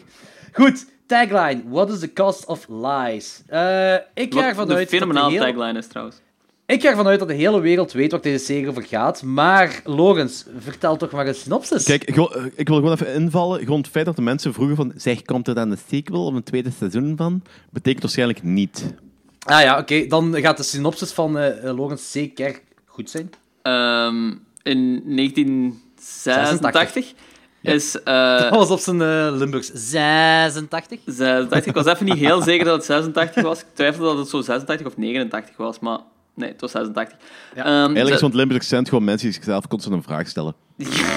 Dat is goed. Drie Limburgers als ze 86. zo Limburg zitten belachelijk te maken. heel goed, heel goed. Oké, ja. Ehm, dus in dus- 1986 was er iets Nee. gebeurd, Logans. is er in Tsjernobyl ehm, een kernramp gebeurd, waardoor de reactor, eh, de kernreactor eigenlijk gewoon ontploft is. En de, daar zijn stralingen vrijgekomen die over heel de wereld te voelen waren. ik, weet- ik weet niet wat er meer is wat je daarover kunt zeggen. En de serie gaat eigenlijk gewoon over hoe dat... ehm, de, zowel de Russische overheid, eh, eigenlijk ja, gewoon Rusland er mee is omgegaan om dat ten eerste te proberen op te lossen. Maar ten tweede ook ehm, dat probeerde ehm, niet, niet te onderdrukken, maar te doen uitschijnen aan heel Rusland en de rest van de wereld dat het eigenlijk niet zo erg was allemaal. Eigenlijk gewoon niet onderdrukken, omdat het niet meer te onderdrukken viel. ja, ja, dat, was echt, dat ging echt gewoon niet meer. Ja, inderdaad. Goed, we beginnen bij aflevering 1. Aflevering 1, dat heet... De titel is 1.23.45 en de titel van deze aflevering verwijst naar het uur van de ontploffing en dat is dan op het uur 1 uur, 23 minuten en 45 seconden s'morgens, oftewel 1, 2, 3, 4, 5. Ik moet wel zeggen, er is wel een boek over. Door een van eh, de mensen die erbij was, geloof ik. En dat heet 1.23.40. Dus dit is gewoon gedaan omdat iemand zijn OCD daarmee omkomt. Ja, ja, inderdaad. Nee, er was iets, er stond op IMDb iets van, van dat eh, het, de knop indrukken was op 1.23.40 en de ontploffing was 1.23.45. Ah ja, oké. Dit is een Ah, uur van ontploffing. Hebben, ze, hebben ze eigenlijk... ehm, hebben ze daar computerlogging van of zo? Of dat ze echt zo op de, op de seconde weten? Dat weet ik eigenlijk niet. Eh, dus ik weet dat er heel veel research rond gedaan is. En dat de feiten dat we- de maker zei in, de, in die, die podcast zei van de feiten dat we weten, de feiten dat we zeggen, zijn effectief, dat is effectief waar, dat is gebeurd. Het zijn andere dingen wat hij een beetje meer geromantiseerd heeft. maar Ah, gelijk, ja. dit, dat zou dus een feit zijn. Maar hoe ze daarop En komen? personages die samen zijn gevoegd en zo, dat soort dingen. Letterlijk, alle Chernobyl. Ja. Ja. Oké, eerst en vooral, voordat we beginnen, stating the obvious, ze spreken niet Russisch in deze serie. ja. Ehm, en de reden is... Dat is zo eh, de enige kritiek dat mensen daarop kunnen hebben nog, denk ik. En- Ja, waarschijnlijk. En de reden is, het is gemaakt voor westerse tv, voor HBO. Eh, we zitten in een koude setting met kille personages, maar het publiek moet ook meegeraken met bepaalde personages. En de makers hadden schrik dat dat niet 100% zou kunnen lukken met die bepaalde personages als dat in het Russisch zou zijn. Ja, eh, ik had ook zo gehoord van dat de maker zoiets had van... Ik wil dat die acteurs... eh, ah, ik wil dit verhaal maken met Engelstalige acteurs, omdat het anders gewoon te moeilijk is voor mij... te moeilijk tussen aanhalingstekens ehm, om te regisseren. Als in van... Ze willen... Hij wil niet dat de acteurs constant bezig zijn van ehm, een Russisch accent na te doen. Eh, een Russisch ac- accent nadoen hebben ze dat schijnt heel snel van de kaart, zo de Ja. typische Boris en Natasha-accenten, zo de stereotypering, want dan begon het te komiek te worden. Ja, voilà. Eh, en Amerikaans accent wouden ze ook niet doen, want ze wouden ook niet eh, te fel, de, de, te onrespectvol ermee rondgaan. Zo van, Ze dachten dat Amerikanen te fel uit die serie zouden gaan en, en niet echt zouden mee moeten zijn, gelijk ze zouden moeten mee zijn. Dus daarom hebben ze gekozen voor Engelse, gelijk je zegt, Engelse accenten. En eh, ook zo af en toe... Ze zeiden ook van, ja, als je een Schots accent hebt, doe dat maar. Zo. Je moet je niet Ja, verbergen ja. voor dat Schots accent, want Dat dat, is zo heel- net zo dat Dat is een heel exotische bewuste meer. keuze geweest ook gewoon, Ja. wil ik maar zeggen. Ja. Ik vind, de, ik vind de balans heel goed gedaan. ja, ik vond het ook, absoluut. Dat vond ik heel goed gedaan, ja. Eh, het e- ding is ook zo, ze zeggen wel vaak... Want er was een, een, eh, een vraag van, oké, je wilt niet cartoonesk overkomen door zo de Natasha en, en eh Boris Russisch Mhm. accent te gebruiken, maar je gebruikt wel comrade. En dat heeft Ah, ja, dus te maken met... Heel die script is door iemand eh, dat toen leefde in de Sovjet-Unie gelezen. En die zei van... Maar je beseft toch dat wij allemaal comrades zeiden tegen elkaar, hè? En heel vaak ook, hè? Dus overal, zo heel vaak, als hem zo in plaats van een naam had, en dan doorschrapt, had hem comrade gezet, omdat hem wel... Hij wil wel trouw blijven. Ja, Ja, maar dat, dat, snap, dat snap ik ook wel. Het is, het is niet omdat je de taal verandert, dat je ook de manier waarop dat ze praten eh, moet verengelsen of veramerikaniseren, of weet ik wat allemaal. Gelijk dat ze ook constant zo grapje, eh, dat ze ook zo verwijzingen maken naar zo de apparatchiks en weet ik veel allemaal. Dat hoort er ook in, want dat is de woordenschat van die periode en die locatie. Ja, vind ik ook. Je mocht, dat, je mocht dat Engels maken, maar je moet er toch wel iets aan trouw aan blijven. Ja, ja, ja, tuurlijk, tuurlijk, tuurlijk. Anders werkt het ook niet meer zo heel goed? Nee. Want je moet ook geloven dat het Rusland is. Ja, En zeker. doordat- ja, ja. Doordat je dat, de taal verandert, heb je... de- want ik, ik snap wel dat ze taal veranderen, zeker, want Engelstaligen, eh, Britten en Amerikanen, die eh, kun je moeilijk overtuigen als het al niet in het Engels is. Mhm. Dat is zo, dat is zo een beetje, ik weet niet of dat chauvinisme is, of dat, er gewoon dat die dat gewend zijn, dat alles in hun taal is. Maar dat werkt niet altijd. Dat is het moeilijk om voor internationale films om daar door te breken, heb ik zo het idee. Ja, maar ik denk dat er ondertussen wel veranderingen aan het komen is. Aan het komen, maar het is nog niet 100%. Nee, maar ik denk wel als deze gewoon in het Russisch was, ik denk niet dat dat veel had afgedaan qua hype. Want dat is gewoon HBO die gewoon een nieuwe hype heeft gemaakt, hè. Denk ik, hè? Ja, Denk ik, hè? ik weet dat het. Ik ook ben niet niet, zeker. niet 100% zeker van. Ja, ja, ik weet het niet. Het is, een- het is nog altijd, zeker, zeker met Rusland, nog altijd gevoelig ligt Amerika. Het is Ja. wel een... eh, het Dat is wel gaat een nooit bepaalde- anders zijn, hè. Volgens mij gaat dat nooit anders gebeuren. Zeker niet omdat Amerika vrij politiek correct is. Te politiek correct soms. En, eh, en Rusland op bepaalde vlakken helemaal niet. Dat wordt heel... Ik zie dat vaak gebeuren, dat heel veel veralgemeend wordt naar gewoon iedereen. Hè. Dus een beetje gelijk eh, dat 10, 20, 30 jaar geleden, dat de, eh, waren dat Nederlanders of Frans, ik weet niet meer, maar zo Duitsers nog altijd zagen als nazi's. En ze nog altijd Ah, ja, s- ja. stampen zaten te geven tegen Duitsers, omdat het nazi's zijn, zo gezegd. Dus ik denk, wat ik wil zeggen is, ik denk dat Amerika en Rusland dat dat nooit goed gaat komen. Nee, dat denk ik ook wel niet eigenlijk. Door redenen. Oké, ja. Zwat. Aflevering 1. We beginnen met de zelfmoord van Dingske, Humpy Dumpy. Ehm, eh, en de eh, Legaslov. Legaslov heet hem, hè? ja. Le Legasov. Valery Legaslov. Nee, Legaslov. Legasov. Valery Lega- Legasov. Legaslov. Legasov. Ehm, Legasov. Er zit nergens een L bij na de eerste L. Legasov.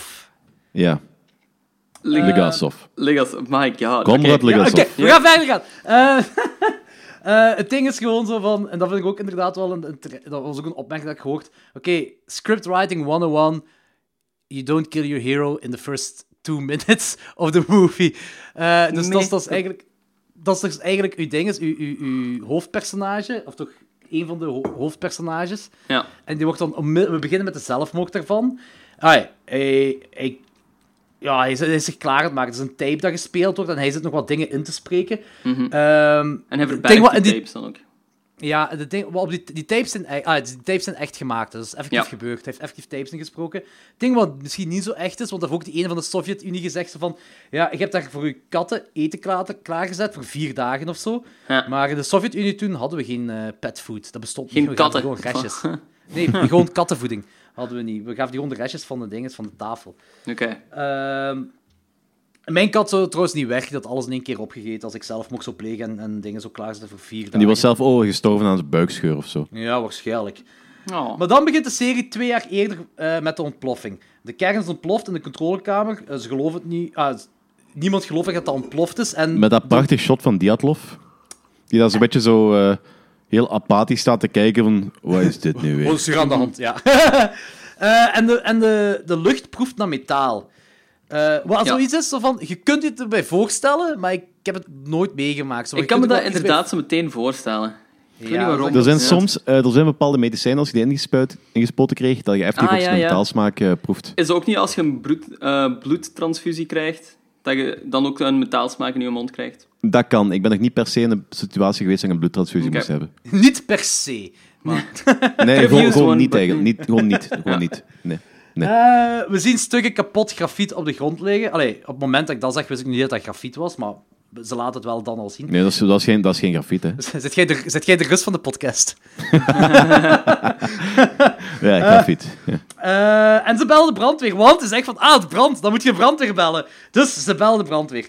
Eh, in de reactor zelf is er dan paniek en chaos onderin zeker. Vooral mensen kotsen. En ik zag dat dat zo... Dat was zo wat bruin, roodachtig, maar ik weet nu niet of dat per ja, se het is gewoon was. bloed, denk ik, wat die aan het kotsen zijn. Ja, misschien toch, ja. En hun gezichten zien vuurrood, maar zo...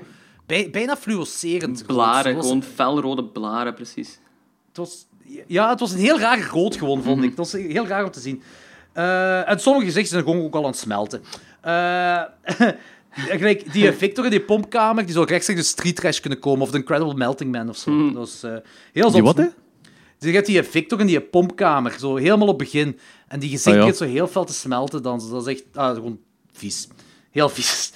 Maar ik vind op dat punt, punt vind ik meevallen. Na de rand in dat ziekenhuis in Moskou wordt dat pas... eh, Daar wordt het een beetje erger, ja, dat is waar. Holy dat is shit. waar. Eh, de stralingsmeter meet 3,6 röntgen. En de reactie is, dat is niet oké, maar ook niet vreselijk. dat, is grappig, dat is grappig dat zo verschillende personen dat zeggen. Ja, dat, Echt zo knal op diezelfde manier.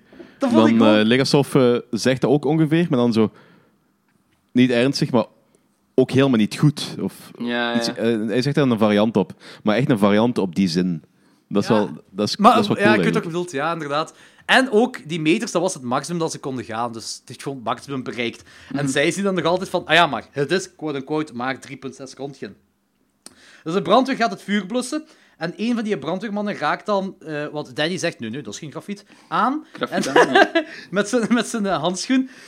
Eh, en die zijn hand begint te smelten of zo. En ik- Het begint heel fel door te branden. Ja, meteen Eh, ook gewoon. Ja. Ja, dus, dus je beseft dan al van, oké, dat stukje beton dat daar ligt, dat is, eh, dat is niet oké, hè. Ik zou er vanaf blijven. Ja. Ja. En een van die drie kerels begint overal te bloeden. Dan gaat naar de controlekamer om te melden wat hem zag. En die begint dat te kotsen. En die ene kerel, die leidinggevende daar, die, eh, hoe heet hem weer? Met zijn snor? Met zijn moustache? Diatlov? Ah, nee, ehm, Is het Diatlov? Ja, ja, Dat ja. is een stage Dia- eigenlijk Diatlov schuldig is de, de echte ba- de baas, echt.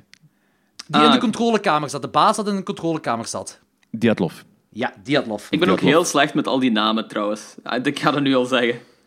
Ja, en die zei van toen hem de kerel begon te kotsen, zei van, ah, dat is niks, die moet maar naar de ziekenkamer gaan. Zo, van, Ah ja, oké. Alsof, ja, alsof er de- niks aan de hand is. De asshole. Ah, de Ja, de asshole van de serie. Ja. Ja, inderdaad. Zo. Wat, misschien wel, als je het heel kort door de bocht gaat, de antagonist. ja, eigenlijk wel. De meest punchable Dus- van heel de serie. als een- My god. Ah, wel, ja. Ja, Ja, heel graag. Amai. Eh, dus al die bazen komen bij elkaar eh, en de ene zegt zo... So, I guess the safety test was a failure. Dus dat is zo, we zitten, ik denk, 30 minuten, misschien nog geen 30 minuten, 20 minuten zo in de aflevering. Dat is van, de safety test. Dat is zo een van die dingen dat ik niet wist op voorhand, dat dit een veiligheidstest was. Ja, ik ook niet. Eh, Ik ook niet, dat heb ik, dat heb ik nu ook geleerd. Ik heb er redelijk wat over opgezocht nu. Ja, en dat is mindblowing, vind ik wel. Zo van, want dit is zo wat, dat is wat, als je erbij nadenkt, dat is je veiligheidstest. Dit is zo totaal aan de andere kant van het spectrum wat er moet gebeuren bij een veiligheidstest. Wat er Ja. kan gebeuren. Dat is, echt, dat is echt gewoon zot dat er zoiets gebeurt bij een veiligheidstest.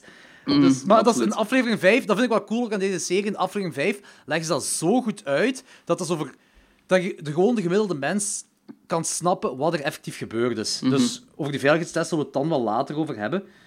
Ehm, en daar is ook zo, die ene chief zegt dan ook wel zo, inderdaad, ook nog eens opnieuw van, het is, dat die straling, 3.6, wat jij zei, Danny, dat is, eh, ja, dat is niet goed, maar ook niet rampzalig. Eh, en dat de werk, eh, werknemers dan maar shiften van 6 uur mogen werken.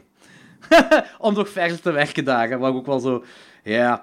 En dan heb je de rest van de bevolking, die zit daar van op de brug te kijken naar die blauw gekleurde brand van de kernreactor. ja. Mhm, Van de, die ioniserende lucht. Ja, en dat is een waanzinnig mooi, maar ook... Dat is Heel een waanzinnig mooi ja. beeld, maar ook droevig ook zo. Maar ook mooi gefilmd en het ziet er mooi uit. Ja. Maar dat is ook droevig met hetgeen wat je al weet. Ah, je, je beseft wel wat er gebeurt op dat moment als kijker. Ja, als ook van, je weet van, ah, al die mensen gaan dood.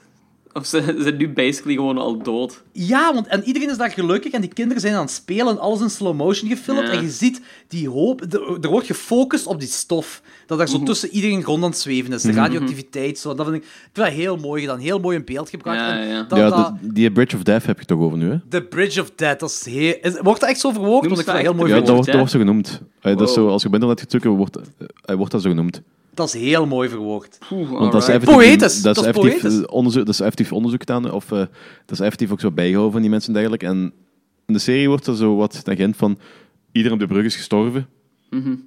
Maar Ja. dat wordt zo niet echt zo verklaard hoe en wat. En volgens mij zijn ze zelfs niet allemaal dood. Maar ze zijn zeker niet eh, onmiddellijk gestorven. Want bijvoorbeeld, eh, de moeder van een van die meisjes, heb- een van die kinderen wat er zo speelde, hebben ze, ik, hebben ze, ik weet niet hoeveel jaar later nog eens geïnterviewd. En heeft toen gezegd van, ja, mijn dochter was toen 12 en die heeft een, eh, drie maanden later heeft die plots acute astma ontwikkeld. En op haar negentiende is ze gewoon ergens op straat gewoon doodgevallen. Ik heb ook pas acute astma gekregen. Ja, dus, dus je hebt nog zeven jaar. Ah, oké. Tof. Ah, man. Maar dus dat, is, dat, is toch, dat heeft nog, nog zeven jaar geduurd dat zo'n kind gestorven is dan. Ja, maar dat, dat, is- dat, is, ja, dat, dat, is, dat is heel raar. Ik, ja, dat is als met die radioactiviteit. Dat is zo, je weet niet echt wat er gaat gebeuren. Eh, je, weet, je denkt gewoon kanker, iedereen, kanker krijgen, maar gelijk jij zegt, Ja. er zit toch nog meer aan de hand. Gelijk acute astma. Dat, dat, eh, dan zou je toch niet denken dat je dat kunt krijgen van... Ah, op Maar het is zicht. ook omdat Het is ook kinderen, stof. zijn, kinderen zijn dat gaan ontwikkelen. Ja. En dit zorgt ook voor, eh, die kanker, eh, eh, De astma. nee, nee, nee, eh, die, die, ehm, die radioactiviteit, die, verkloot, die, die beschadigt je cellen. En door de schade, doordat je cellen beschadigd zijn, kan die, eh, de, kan die bij de groei of bij de ontwikkeling van bepaalde eh, van, van je lichaam, kan die verkeerde informatie, eh, verkeerde ehm, ge- eh, gegevens, Doorgeven. instru- instructies doorgeven. Ja. Dan kun je zoiets ontwikkelen en kun je zeven jaar later blijkbaar gewoon doodvallen. ja, dat is tof, hè, die radioactiviteit. Ja, Eh, wat, top, ook, echt wat, top. wat ook graaf is, eh, als die brandweermannen aan het blussen zijn en ze willen dichter komen... Oh ja, graaf.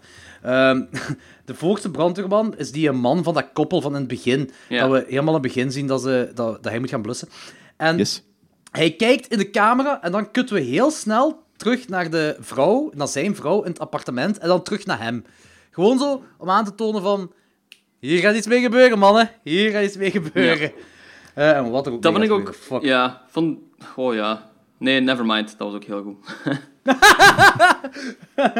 Oké. ehm, Oké, dan heb je weer een grote meting met alle grote bazen bijeen. En dan heb je zo, zeggen ze, hoe groot is het gevaar? Niet groot, alleen wat radiatiegevaar Ah, bij de reactor zelf. Dat is zo die meeting waar die oude kerel zo heel pro-Russia Ja. begint te praten. Ja. Inderdaad. Ah, man, ik- dat, is, dat is een hele coole scène, maar je wilt die mensen echt zo kapot knuppelen met met een Het is baseballknuppel. niet te geloven hoe gefrustreerd ik was gewoon als kijker als je dat, als je dat ziet gewoon. Ja.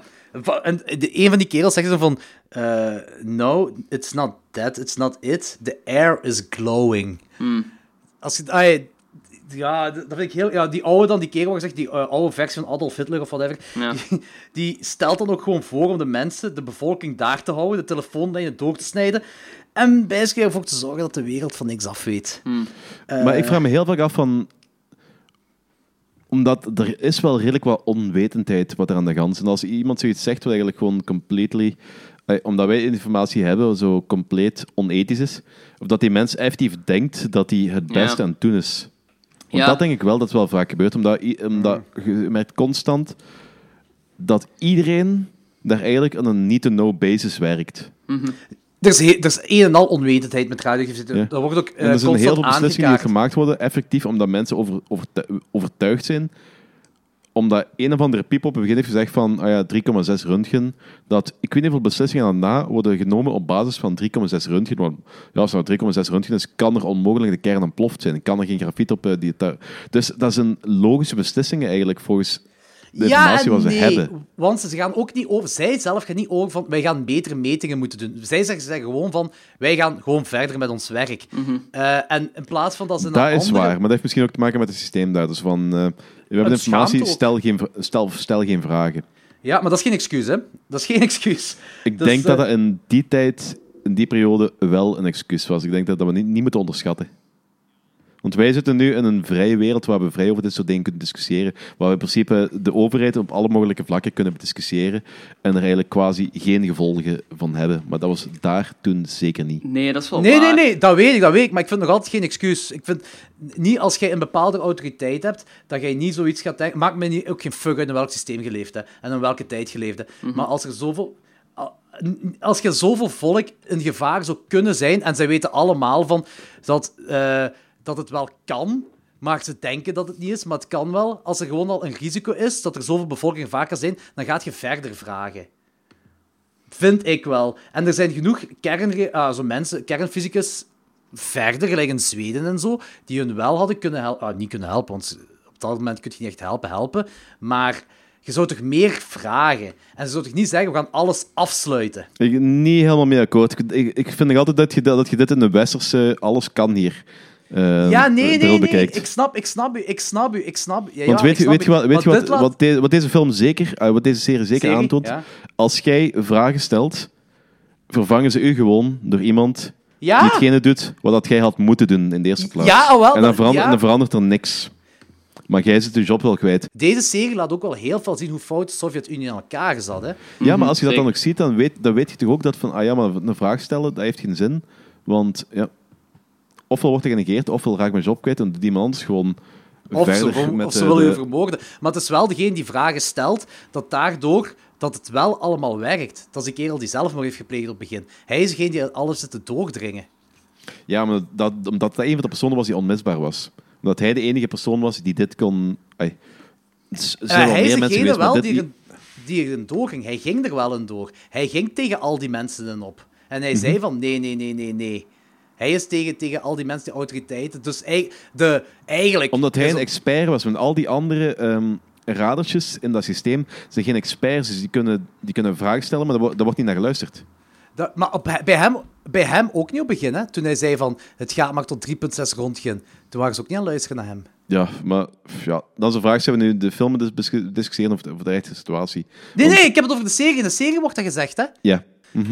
Dus, maar hetgeen wat, wat het punt is gewoon van heel die scène is van die kerel die daar zegt van we gaan alles afsluiten zo, want ik vind, daar zit geen logica in voor mij. Zelfs, maakt me niet uit in welk systeem we leven, dat is, geen, dat is, een, dat is een heel fout systeem waarin zij leefden en zij, ik geloof ook niet dat zij denken dat zij de juiste beslissing nemen. Ik denk ook dat er veel schaamte... Dat wordt ook aangekaart. Oh ja, schaamte, sowieso. Veel draait om Mhm. schaamte. Zij willen niet dat het de buitenwereld inkomt, omdat ze zich schamen dat er iets fout zou gebeuren Ja, ja, zeker. Deze aflevering niet, maar ik denk aflevering 4 of 5.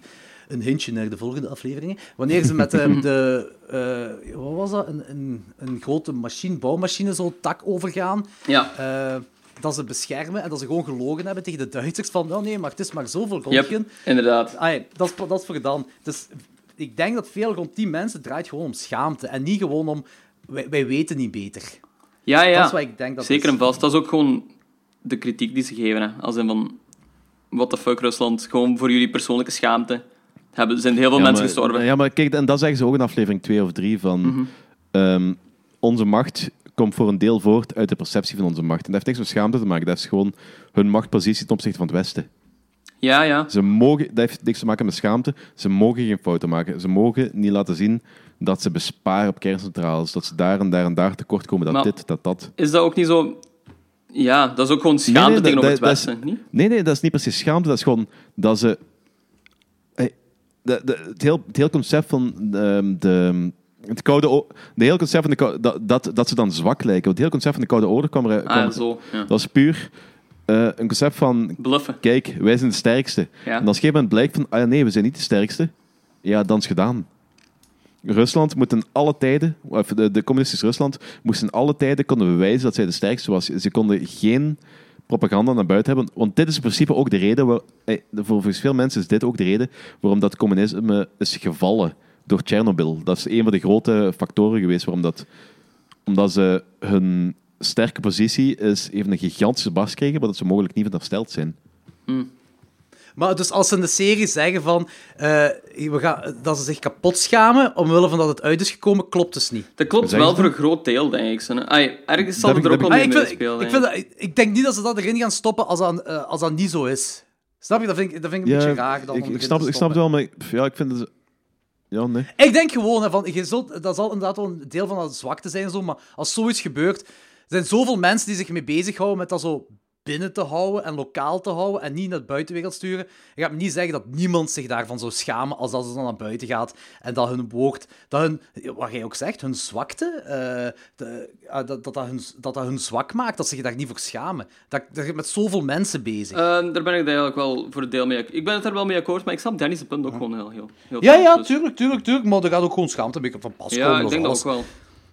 Zeker persoonlijke schaamte, zeker zo van die, eh dieetlof. Want eh, voor die, dat is ik weet heel... niet wat ik van die moet denken, eigenlijk. Wat, hè? Ik weet er echt niet, ik weet niet wat ik van die moet denken, eigenlijk. Ja, dat is een fucker. Ja, ja, dat wel, dat wel. Maar zo zeker zo op laatst in die rechtbank. Ik, ik, die geeft er op een bepaald moment een excuus omdat hij naar de wc gaat. Oké, dat is voor later wel. Maar, maar ik, ik weet nog altijd niet wat hij voelt. Wat zijn gevoel zou zijn na heel dat ding. Ja, inderdaad. Maar dat is qua personage gewoon. hè. Ik, ik weet niet echt hoe hij er gereageerd op heeft. Hm. Maar ja. Eh Swat, waar zijn we? Oké, ja, we hebben- zijn bij die, die kerel die daar telefoonlijnen doorsnijden, wat hij er allemaal zegt. Eh, en dan komt de kerel dat met een stralingsmeter uit de safe heeft eh, gemeten. Die, want die zat in een safe en ze konden toen daarna pas mee meten. En die gaat tot 1000 rondje. En de meter ging kapot. en Ja. de reactie is, het Nou, is de- schuld van Moskou. Yep. Want zij hebben ons slecht materiaal gegeven. Dat is echt raar. Het is altijd zo iemand anders zijn schuld. Je, je merkt dat heel fel, dat ze gewoon schuld doorschuiven naar iedereen. Heel obvious ook gewoon, omdat niemand de verantwoordelijkheid kan of durft te pakken. Ja, dat is echt... Ja, maar dat is een beetje, een beetje hetzelfde als wat ik juist zei. Dat ehm, niet de no-basis, het bijgevolg werkt ook met de kennis wat je hebt. En als er iets fout gaat, is de schuld van iemand anders. En ze zeggen dat ook echt letterlijk soms, hè. Zo van, hij was het, hij was het geweest. Yep, yep. Ja, ik heb hier een lijst met personen die waarschijnlijk verantwoordelijk zijn. Haha, mooi. Nee, nee, dat dat ehm, die eh, baas van Diatlov, die met zijn krullen, Ja. die zegt op een gegeven moment, vanaf men, eh, als een paar, eh, weet ik Als eh, Boris volgens mij voor de eerste keer landt bij Chernobyl met helikopter. Ja. Ja, ja, ja. Als, eh als Legasov en Boris daar voor de eerste keer landen, dan de... Oh, comrade, I've got a list with uh, people who are probably uh, responsible for this entire... Ah, oké, zo. Ik dacht dat je letterlijk een lijst Nee, nee, had, nee, nee, nee, nee, nee, Ah, dat is- oké, ja, ja. ik dacht, ik heb hier een lijst. Deze mensen kunnen verantwoorden. Nee, dat is een citaat van uit de serie. Ja, ja, ja. ja, ja oké, ik ben weer mee, ik ben weer mee, ik ben weer mee. Goed. Ehm, maar dus daar zeggen we, het is de schuld van Moskou. Eh, en dan gaan ze met een tweede meter dat tot 200 kan, en die ging dan tot het maximum. Eh, en nog geloven de, de grote authorities dan niet van, eh, dat er iets ernstiger is. Zelfs niet wanneer hij zegt dat hij grafiet tussen het puin zag eh, en denkt dat de kern ontploft is. Nu, dat is wel een ding van het onmogelijke, wat zij denken, eh, wat zij denken dat onmogelijk is, is gebeurd. Eh, Ja. Dat is zo deel van die onwetendheid van... dat is iets wat gewoon niet kan gebeuren. Dat is iets wat niet kan gebeuren en dat is gebeurd. Hm. En dat met hoe dat zij in elkaar steken qua autoriteit... Dat zorgt gewoon voor frustratie. Echt keihard frustratie. En gevaarlijkheid Ja, ook tuurlijk, gewoon zo van. Dat is, dat, is, dat is heel raar gewoon. Dat is heel raar van. Ook gewoon het feit dat er. het- Gewoon het concept dat er iets gebeurt dat niet kan gebeuren. Want in je hoofd, wat jij denkt, kan zoiets niet gebeuren. Die kern kan niet ontploffen. Dat concept is nu juist gebeurd. Stel je dat gewoon eens voor. Ja. Hoe moet je daarmee omgaan? Ja, als En wetenschapper. de bewijzen zeggen. Maar- en het enige wat je kunt zeggen is: van dat kan niet, want dat, want dat kan niet. Dat kan niet gebeurd zijn, want dat kan niet. Dat is het enige wat je kunt zeggen, terwijl je bewijzen naar je toe krijgt. Ja, dat Hetzelfde is gelijk sowieso- als hier een leprechaun voor mij komt dansen. Ja, Ik ja. weet, dat bestaat niet, dat kan niet. Toch staat hij hier. Ja, inderdaad. Dat is zo... Alsof je tegen een muur gewoon praat, maar dat is heel moeilijk. Ay, heel je geloofssysteem wordt gewoon over, ay, overhoop gehaald. En dat maakt het gewoon moeilijk om dat toe te geven, I guess. Ja, en eh, als je dan ziet hoe die eh, wervelwind van radioactief materiaal, hoe dat eruit ziet, ik vind dat heel goed dat ze dat in beeld hebben Ja. gebracht. Dat dat hebben ze trouwens hier ook niet zo... Bedoel, bedoelt, je, bedoelt je echt dat vuur? Eh, ja, dat vuur, dat vuur als ze de kern in gaan kijken. Ja, hè. want dat, ja. dat, is, dat is echt volgens mij het beeld waar het meest dichtst bij vi- visualisatie van de hel komt, voor, ehm, wat ik ooit op tv heb gezien, denk ik. Ik heb dat hier op staan eh, in mijn notities van als hij de hel inkijkt, dat is de kern die ontploft is. Alright. Dat, is ook, dat vind ik ook wel. Dat, dat, dat is, ze konden dat niet beter eh, in beeld brengen dan wat je ziet. Wat, Ja, wat dat je was echt top. ziet. Hm. Dat is echt heel mooi dan. En we eindigen die aflevering dan met de vice-directeur dat dan telefoon krijgt eh, door papa Skarsgård over de ontploffing. En eh, het is dan eh, inderdaad de vice-directeur dat zelfmoord pleegt op het begin van de aflevering. Dus vanaf nu begint het verhaal met hem. Ja. Eh allee, je hebt op het einde nog die radioactieve wolk, wat daar zo eh, overheen die bomen gaan. En dan naar het stadje toe. En dan eindigen we zo met een vogel dat valt. En we horen speelde kinderen. En denk van, ah, dit is heel, heel romantisch. Romantisch. Eh, ja, ik vind het heel vet als die radioactieve wolk zo over die bomen gaat. Ik zie zo die bomen zo, juist waar dat over gaat, wordt- zijn bruin. Echt, bruinish. En de rest is nog groen. Ah, ja, ja, En, ja. eh, ja, dus, dat is- ja, dat is eigenlijk uw, als dit een horrorfilm is, is dit uw killer. Oh my god, jongens, ja. Ik weet ook nog, toen ik zo deze aflevering had gezien, dat ik echt iets had van... Oké, ik kan geen tweede aflevering meer kijken, want dat is gewoon emotionally draining. Dat is Dat is echt- zoveel wanhoop dat daarvan afkomt. En het zotte is dat gewoon veel mensen daar, dat gewoon niet weten. Hey, veel personages weten gewoon niet wat voor een hel hun nog te wachten staat. En jij als buitenstaander weet dat. Poeh, ja. Stevig. Ja, nee, dat is waar, dat is waar. Dat is, dat is, dat is, dat is heel zwaar, dat is heel zwaar. Zowat, aflevering 2. En aflevering 2 heet Please Remain Calm. Eh, we worden geïnteresseerd door, eh, bij Emily Watson, de vrouwelijke wetenschapper. Ja. Wat, eh, wat Danny dus zei op het begin van deze aflevering. Dat is een fictief personage, dat is een samenvoegsel van heel veel andere wetenschappers. Ja. Eigenlijk bijna iedereen die iets... Want hier wordt, hier wordt eigenlijk de hele effort wordt in de handen van een paar personen geduwd. Terwijl dat eigenlijk een, gi- een gigantisch team was van tientallen mensen. En Ah, omdat het te moeilijk was om die allemaal in beeld te brengen, hebben ze er eigenlijk één persoon voor gemaakt. Ja, oké. Maar helemaal, helemaal, op het einde, helemaal op het einde geven ze ook tribute aan die mensen die daar aan hebben meegewerkt. Ah ja, oké, cool. Eh, en zij zat in Wit-Rusland, hè? Eh, wanneer zij het ontdekte. Ja. Ja. Weten jullie hoe dat eh, in het echt ontdekt is?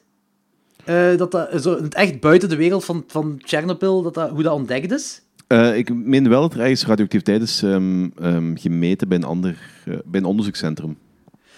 Een onderzoekscentrum, denk ik inderdaad ook wel, maar wel in Zweden. En waarom? Eh, ook gemeten, inderdaad. Was een kerel die daar binnen moest gaan. En die had nog een stukje radioactief afval aan zijn schoen vasthangen van buiten. Maar dat was in Zweden. En dus er een alarm beginnen van, hoe kan dat? En het eerst dichtstbijzijnde kerncentrale van hun, dat was, dinges, dat was Chernobyl. Dus Oké, zo zijn ze dat te ja. weten gekomen. Gewoon zo'n klein stukje radioactief materiaal aan, aan zijn laars is blijven hangen. Holy shit. Toen hij naar binnen ging. Ja, dat is echt zot. Eh, we, we komen neer in het ziekenhuis. En daar in het ziekenhuis zijn al die eh, radioactieve brandwonden van die brandweermannen. En ze wilden met melk genezen. Of ja, genezen. Ze wilden daar melk overgooien om dan, ja, weet ik veel, dat die brandwonden minder pijn doen of zo. Ja, Ja, ja, dat is wel een ding, I guess. Maar dat werkte niet. Ja, nee. Dat werkt- Maar volgens mij werkt melk bij gewone brandwonden. Is dat niet gewoon koud stromend water bij gewone brandwonden? Melk werkt ook heel goed tegen pikant eten. Dus... in- Dat is wel waar. Ja, voilà. Dus, ehm Misschien dat, da- misschien dat daar een ding is van kwam. Een, eh, een redenering. Ah ja, ja, dat is niet slecht. Dat kan misschien wel, ja. Wie weet. Dat kan. Ehm, maar dit, dit, Maar dit ik geloof wel, ik geloof wel dat melk gebruikt was, maar ik weet het is zo, dit zijn geen typische brandwonden. Hè? Nee, ja, radioactieve brandwonden, ja. Mhm. Dus, eh, dus die maker zei van toen... Op... Ik ga ook gewoon uit van wat die maker zei. Heeft, die- heeft dat boek ook gelezen. ehm, ik weet het al niet meer goed. hij- Voices of Chernobyl, denk ik dat dat boek heet. Heeft hij gelezen en hij heeft daar heel veel eh, informatie over zitten opzoeken. Dus ik ga gewoon hem geloven erin. En hij heeft gewoon gezegd, ze wisten niet beter. Ze wisten niet beter en ze dachten dat melk zouden helpen bij die brandwonden. Ja, oké. Daar kwam het op neer. Melk is volgens mij denk ik ook wel een neutralisator. Ik weet ook, als je te veel paddels hebt genomen, moet je melk drinken. Ah, dat neutraliseert de Ja, maar maag. dat is ook waarom Ja. dat, eh, dat bij pikant eten werkt, want dat neutraliseert dat. Ja, ja, ja. Ja, maar ik weet, ik weet niet of dat... effe- eh, ik heb geen flauw idee, of geen ervaring hoe dat werkt met brandwonden, want dat is nog iets anders dan een elementje dat gewoon heet is. Ja, inderdaad. Eh koud stromend water, dat werkt wel bij gewone brandwondes. Yes, you heard it here Eh, Ja, jullie wisten dat nog allemaal niet, hè, luisteraars. Dus als iemand te veel paddels heeft genomen, moet hij gewoon keihard melk drinken. Please don't. Lijkt me zo'n slecht idee. Oh, mannetjes. Eh, oh, dus eh, dan hebben we ons hoofdpersonage, eh, Lego Saf... Wat was zijn naam weer? Legoslav. Legoslav? Lego Nee, zonder, zonder de L. Oh, Legosa. Legosa. Legosa. Lego- Die naam gaan we zo vaak Oh butcheren. man, ik is. Le Legoslav Le- le- heeft een... Lego-slaaf. Le oh gaan we dat echt doen? Legoslav, ja? Ja. Oké. Ja, dus, dus de heeft... de, Rusland Van- zijn de slaven. Ja. ja, dat is waar. Eh, dus Legoslav heeft een meeting met papa Skarsgård en, eh, de kerel, en de kerel met de wijnvlek. Eh, Gorbachev. trouwens, wat ik, ook wel, wat ik ook wil zeggen is dat al die mensen, of veel van die acteurs, lijken allemaal op de echte personages. Ja, echt, die zijn keigoed gecast allemaal. Mhm, dat is wel waar. Ja, dat is heel goed gedaan. En de wijnvlek ziet er ook goed uit. Perfecte wijnvlek. Ja, Eh, 10, 10 op 10 voor de wijnvlek. Ehm, Ik heb dus, er straks eh, even afgevraagd van of dat, dat gewoon make-up was of dat er echt iemand met een wijnvlek heeft hebben gecast. Oh ja, hoe vind je... Met zo... Dat zal wel make-up zijn, denk ik. Dat is een heel goede wijnvlek. Dat was waarschijnlijk, Maar- maar, ik vroeg me dat af. Ah, Dat is ja. zo- Wat dat Danny erbij wil zeggen is gewoon dat dat een heel goede wijnvlek Ah, was. zo, oké. Ja, oké. Dat is een keigoede Dat dat wijnvlek. realistisch was, super realistisch. Ik vind die uitleg wat Lego-slaaf daar zegt... Ik ga van nu van ook echt Lego-slaaf zeggen. Ja. Wat Lego-slaaf daar zegt, dat is die uitleg van dat elke atoom daar van die radioactiviteit, dat is een kogel dat doorheen alles gaat. Doorheen Mhm. beton, doorheen metaal, doorheen mens, doorheen huid, doorheen vlees, doorheen alles. En Het is elke atoom. En iedere gram is een biljoen van deze kogels. ja. En ik ja. vind dat zo mooi uitgelegd van hoe radioactiviteit werkt. En dat ik ook besef van hoe fucked up dat is. Hoe fucked up dat zoiets is. En dan zegt die wijnvlekkerel zo van... Ik, ben zijn, ik vergeet zijn naam ook altijd. Dat is een kerel die zo bekend staat in de westerse wereld als eh, dat de Sovjet-Unie heeft allee, ja, doen vallen. Hè? Ah, echt? Die- ja, het schijnt zo, ja. Yes. Heb ik ook maar gewoon op de podcast gehoord, hè, Ja. in eh, die podcast. Want er was zo'n opmerking ook van een van die mannen in die podcast, zegt van, ja, die staat zo bekend als held, Mhm. eh, omdat hij de Sovjet-Unie heeft doen vallen, maar die komt niet echt heldhaftig over in deze serie. Mm. En eh, de maker zei van, kijk, ik heb gewoon zijn personage, dus hoe hij is, in dat moment van zijn leven, hoe hij moet reageren, heb ik overgenomen wat ik denk dat zo is gebeurd. Van, want hij heeft dat ook natuurlijk maar gewoon geschreven van wat hij wat, van informatie dat hij heeft gevonden. Hè. Ja. Hij heeft ook gezegd van, ik weet niet hoe hij daarna heeft gereageerd bij andere, in andere toestanden en zo. Mhm. Dat kan ik ook niet zeggen. Het gaat echt gewoon over dit. Dat wou ik echt wel duidelijk maken ook. Ja, oké.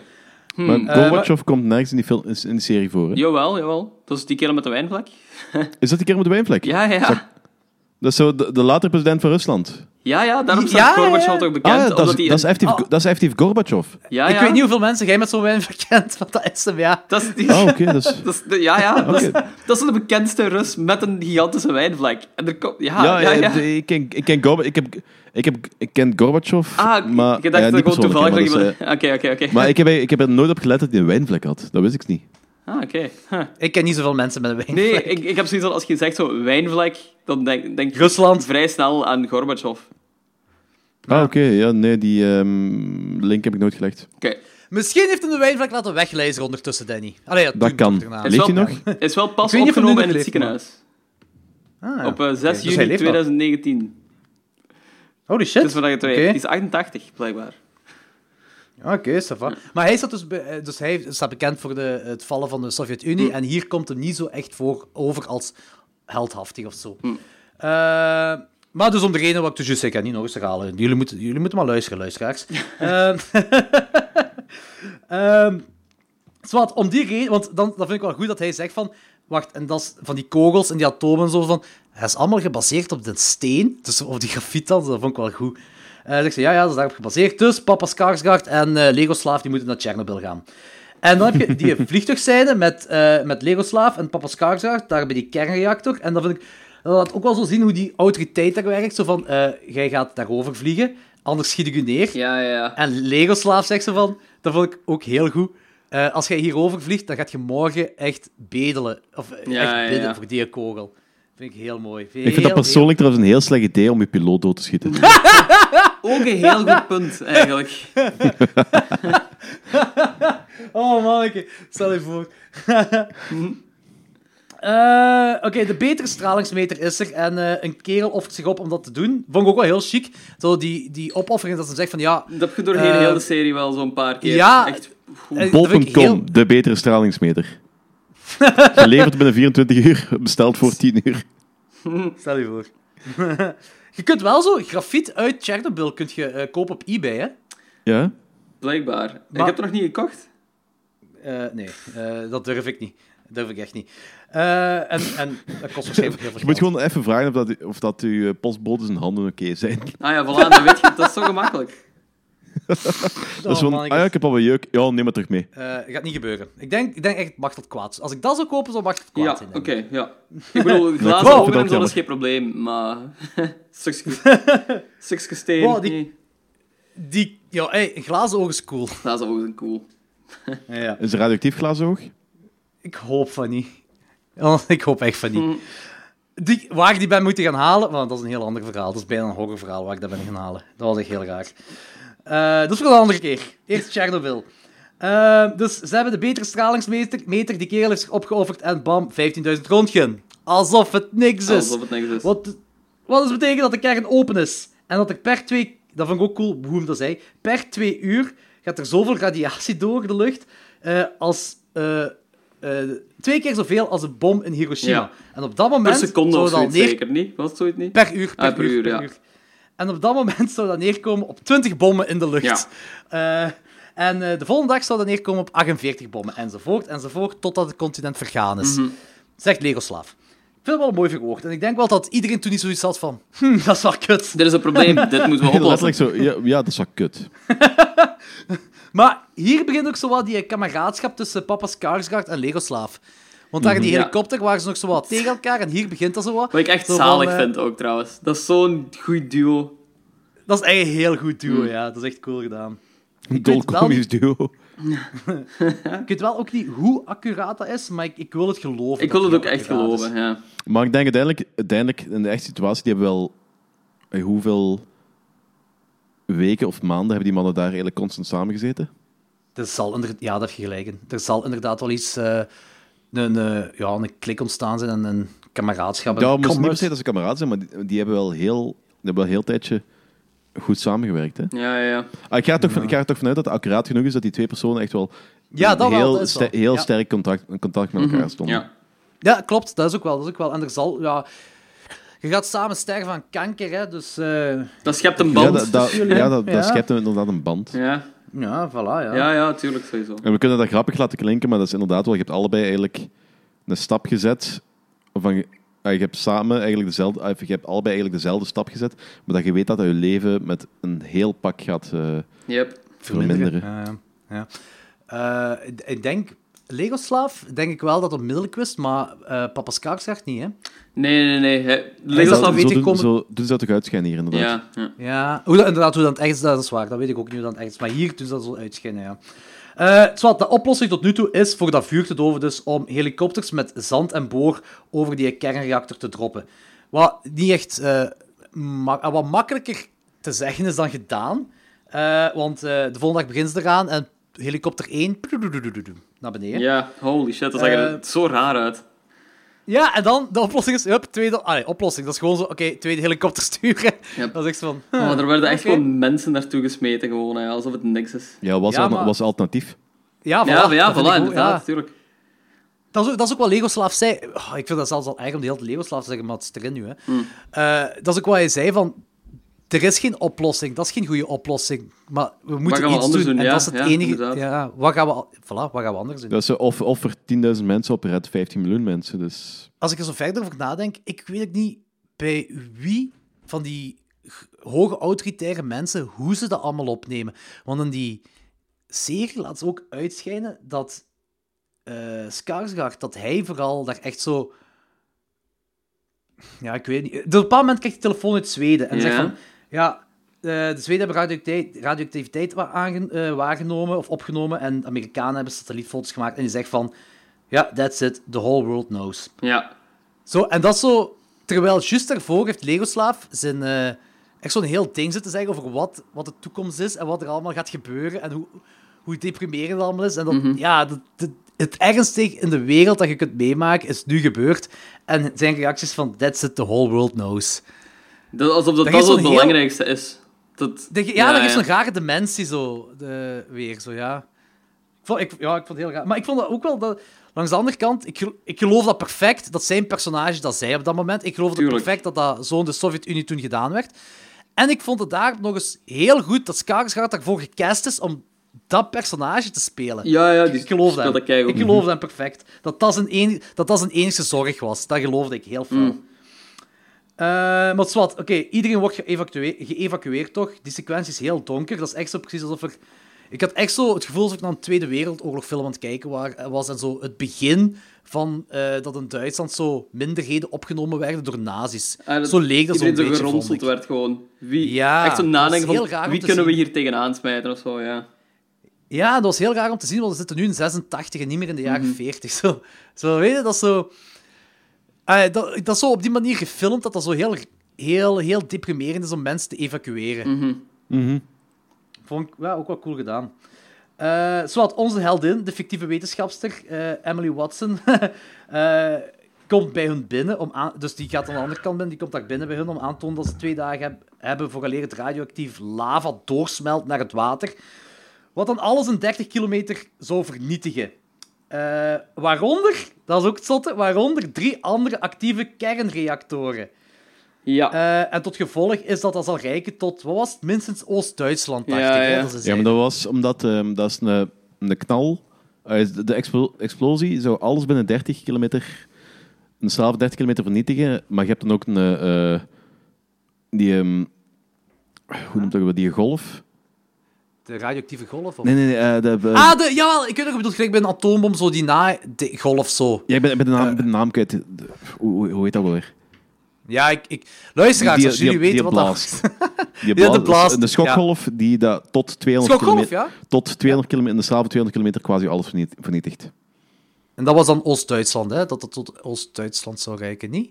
Ik, ik, kan- ik herinner me iets van Oost-Duitsland. maar Het ik- lijkt me wel dat Oost-Duitsland iets verder dan 200 kilometer van daar verwijderd is. Maar, Ah ja, maar dat gaat gewoon, ehm, doordat de radioactiviteit wat in de lucht wordt eh, gesmeten, al dat, er- dat eigenlijk de hele omgeving daar gewoon onleefbaar wordt. En dat reikt wel tot Oost-Duitsland. Ah, dat was het, ja. En Oekraïne en Wit-Rusland zou voor de komende 100 jaar niet meer bewoonbaar zijn. Ja, inderdaad. Dat is eh, toch eens om over na te denken als je daar zit dan, hè? Als, als die Grita zegt. Eh, dat is ook iets wat Wesley zei, van toen in de tijd, zo, want zij zei zo, mijn ouders zeiden van, wij kregen toen bericht hier in België dat we geen biokweek, niks meer uit eigen tuin Ah, mochten ja, eten voor een paar Ja, ja. maanden of Ja, maar dat is hier toch ook zo'n eh controversie geweest van het Armand Pien, de bekende weerman. Had in de Ja? tijd ook gezegd dat alles perfect in orde was. Is dat En dat- echt? En dat bleek even later dat dat niet zo was. Motherfucker! Je moet hem eens, moet hem eens opzoeken. Dat is, dat is, eh, is iets wat hem nog heel lang tegen heeft, heeft gehad. En dat volgens mij zelfs een beetje... Ja... Hij daar niet populair mee gemaakt naar de rand? Nee, dat denk ik, dat denk ik. Ehm even nadat we weten van, eh, dat, eh, dat dat Oekraïne en Wit-Rusland dat dat de komende 100 jaar niet bewoonbaar zou zijn, als we die info weten, komt er zo'n Russisch nieuwsbericht. Eh, echt zo'n oldschool Russisch nieuwsbericht, zo echt zo'n Ja, jaren ja. 80. En dan wordt daar heel droog gezegd, er is iets gebeurd in Tsjernobyl.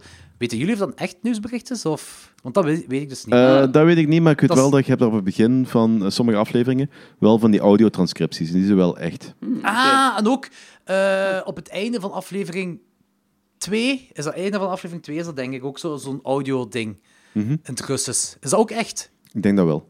Ah, oké, dat is wel zot. Maar Oh ja, dat is wel don't don't quote me on that. Maar bijvoorbeeld, eh, op het begin van de aflevering 1 heb je zo dat eh, berichtje wat ze ehm, de brandweermannen die naar elkaar bellen. Van mobiliseer Ja. iedereen en zo. En dat is wel authentiek. Oh, fuck. Dat is wel... Dat, dat, dat is weer een beetje donkerder op een ander niveau. Eh, zwart, ze vragen dan drie duikers eh, om dan daar te sturen in die meeting, om het water weg te sluizen, zodat die lava het water niet kan raken en zo. En eh, die drie mensen Oh, zouden dan shit, man. binnen de week sterven. Dat was de meest intense sequentie van de hele serie, vond ik. Dat hij dat vraagt, of die, ah nee, dat, die ze erin mensen gaan. daar Dat ze erin gaan. Ai, Maar ik vond het ook weer zo'n goede quote van, van, van Lego. dat ze dat vragen vind ik ook heel indrukwekkend ook gewoon zo. Omdat dat, Die zegt daar ook zo van, we're asking you to kill Dream, man. ja.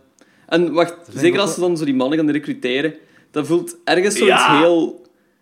Ai, dat voelt aan alsof die mannen zoiets heel heroïs doen en zo wordt dat verkocht, maar dat zijn echt gewoon zo nummers die er tegenaan worden gesmeten eigenlijk. Ah, nee, dat weet ik niet. Los Eh, daarvan, want- ze, ze hebben zich wel nog altijd zelf moeten, samen, eh, ze hebben nog altijd zelf moeten aanbieden. Hè, en dat was op zich iets heroïs, want ze hadden ook gewoon Ja, iedereen zijn bakjes kunnen houden dat ze er drie hadden uitkiezen uit Chinese vrijwilligers. Hè. Dat hadden ze ook kunnen doen. Hè. ja en, en dat werd inderdaad volgens mij ook wel gedaan die tijd.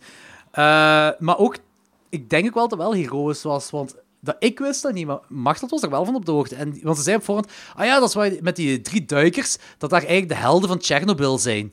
Ah, ja, Ja, ja. want zonder, duikers? eh, die wordt ook de helft van Chernobyl genoemd. Hè. Ja, dus het is echt wel... Ik denk niet dat het gewoon nummers zijn, ze. Ehm, volgens mij is het echt, eh, worden ze echt als helden beschouwd, ja. Ja, maar die worden als helden beschouwd omdat ze, om- omdat ze dat gedaan hebben. Want- als dat, als dat drie andere mannen waren geweest, die gewoon Chinese vrijwilligers, dan waren dat de helden geweest waarschijnlijk. Dat is niet omdat ze zich hebben aangeboden, maar waarschijnlijk omdat ze gewoon dat hebben gedaan. Ja, ja. Dat is ook... Ja, klopt ook. Ja, Maar inderdaad. het, het coole is wel, want er wordt zo... er wordt de hele tijd gepraat alsof die zo eigenlijk verdoemd zijn. Dus ja, die gaan binnen de week die dood zijn, als ze nu nog altijd niet dood zijn van het water. Maar tweede daarvan leeft nog altijd. Het ene is Ja. pas, in 2000, pas in 2005 gestorven aan een hartaanval. Ja, dat is zot, Dus die mannen die hebben, dat, gewoon- die hebben, de mannen hebben dat Good for overleefd. Die hebben zoveel hoere shows gehad. Hè. Ja, dat is echt zot. Ja, ik, ik vind dat wel raar, want die hebben...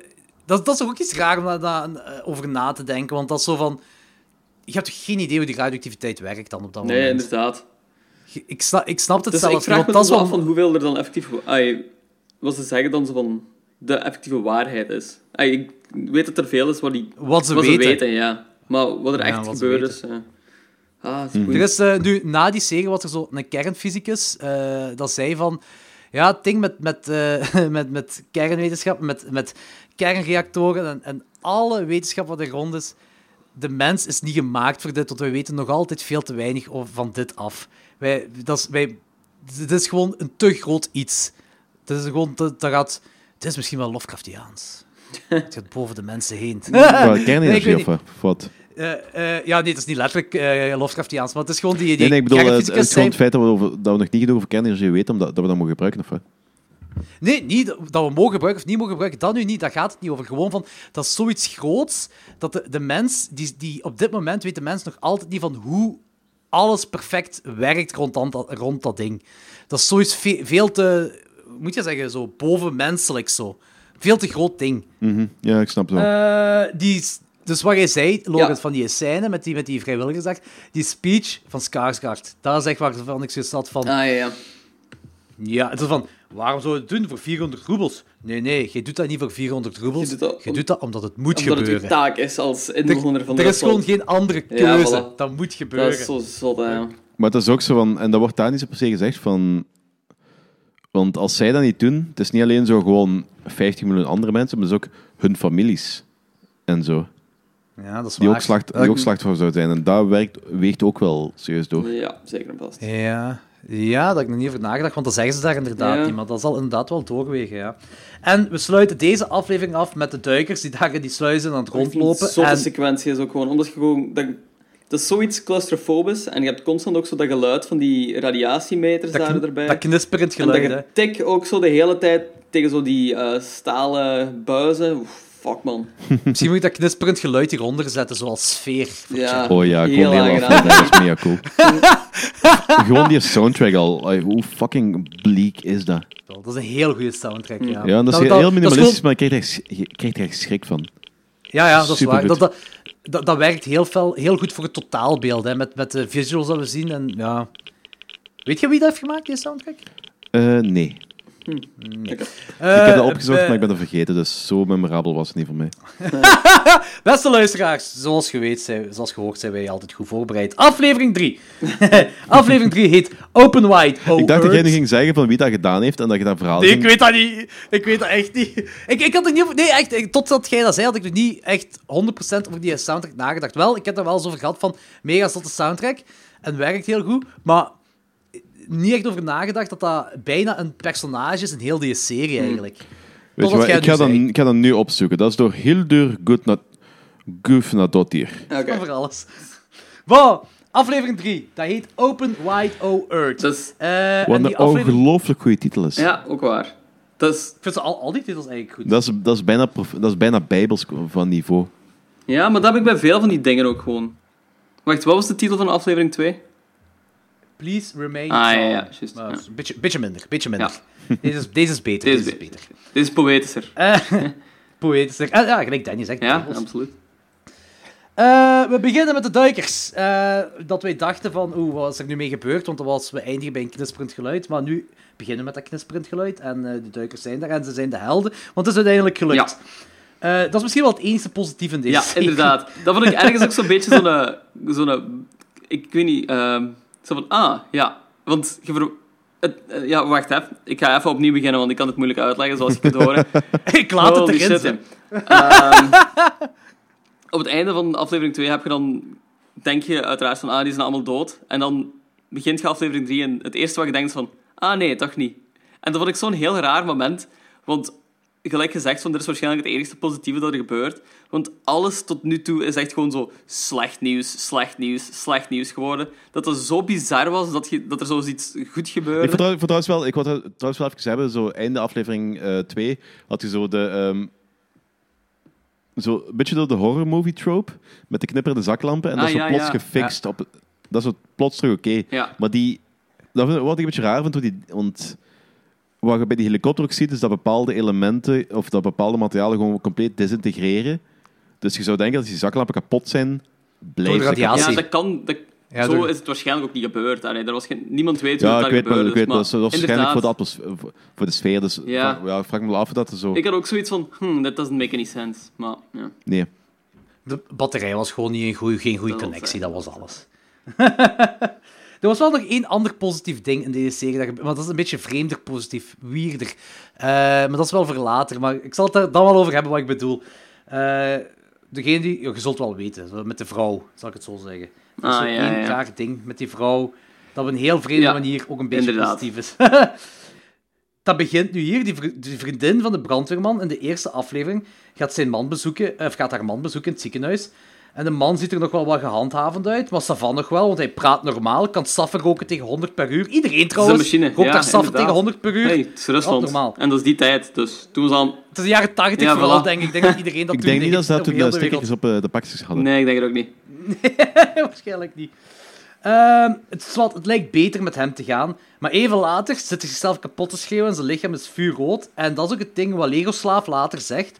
Is dat er zo'n latency zit op die, eh, Ja, dat is inderdaad de zo. hele ziekte. Zo. En dat, Ah, ja, ja, ja, Van die acute, Van- acute radiation syndrome. Die heeft, je hebt dat op het begin heb je dan zo die, eh, die eerste symptoompjes. Je, hersenen, je cellen zijn beschadigd. Dan heb je een latency wat twee dagen, twee tot, Ja, een, een twee serie dagen zegt tot, twee tot een week of zo kan duren. Ja. En dan, ja, then you're fucked. Then you're fucked, ja. Dat is echt zo precies cumulatief Ja. qua snelheid, zo. Dan begint alles af te Ja. breken. Elke cel in je lichaam begint sneller af en te, sneller, zo af te breken. En Wat vooral, wat vooral significant is, wat dan zegt, is dat op een gegeven moment dat je, ehm, je eh, bloedvaten desintegreren ook. Dus op een gegeven moment kun je ook gewoon geen morfine of dergelijke meer indienen. Ah ja, oh, dus je voelt echt kunt alles gewoon. geen- Je kunt niet meer ontsnappen van de pijn. Oeh. En, dat, Dat is echt en ziek. schijnbaar, ik heb een beschrijving daar gelezen, ik heb dat straks eens op, op, opnieuw gezocht, maar niet meer gevonden. Schijnbaar is die pijn out of this world. Dat, dat kun je je niet voorstellen. Wel, Lovecraftiaans. Ja, jongens, nu is het jij, hè. Sorry, ja, ik weet het, ik weet het.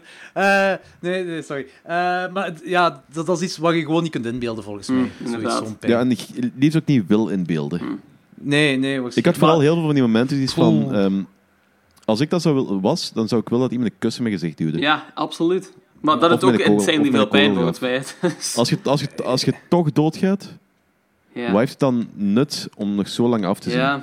ja, tuurlijk. Ja, ik, maar ik, ik weet ook niet hoe ziekenhuizen toen in die tijd juist dachten. En het was, er is ook al, nog altijd heel veel onwetendheid op dat moment.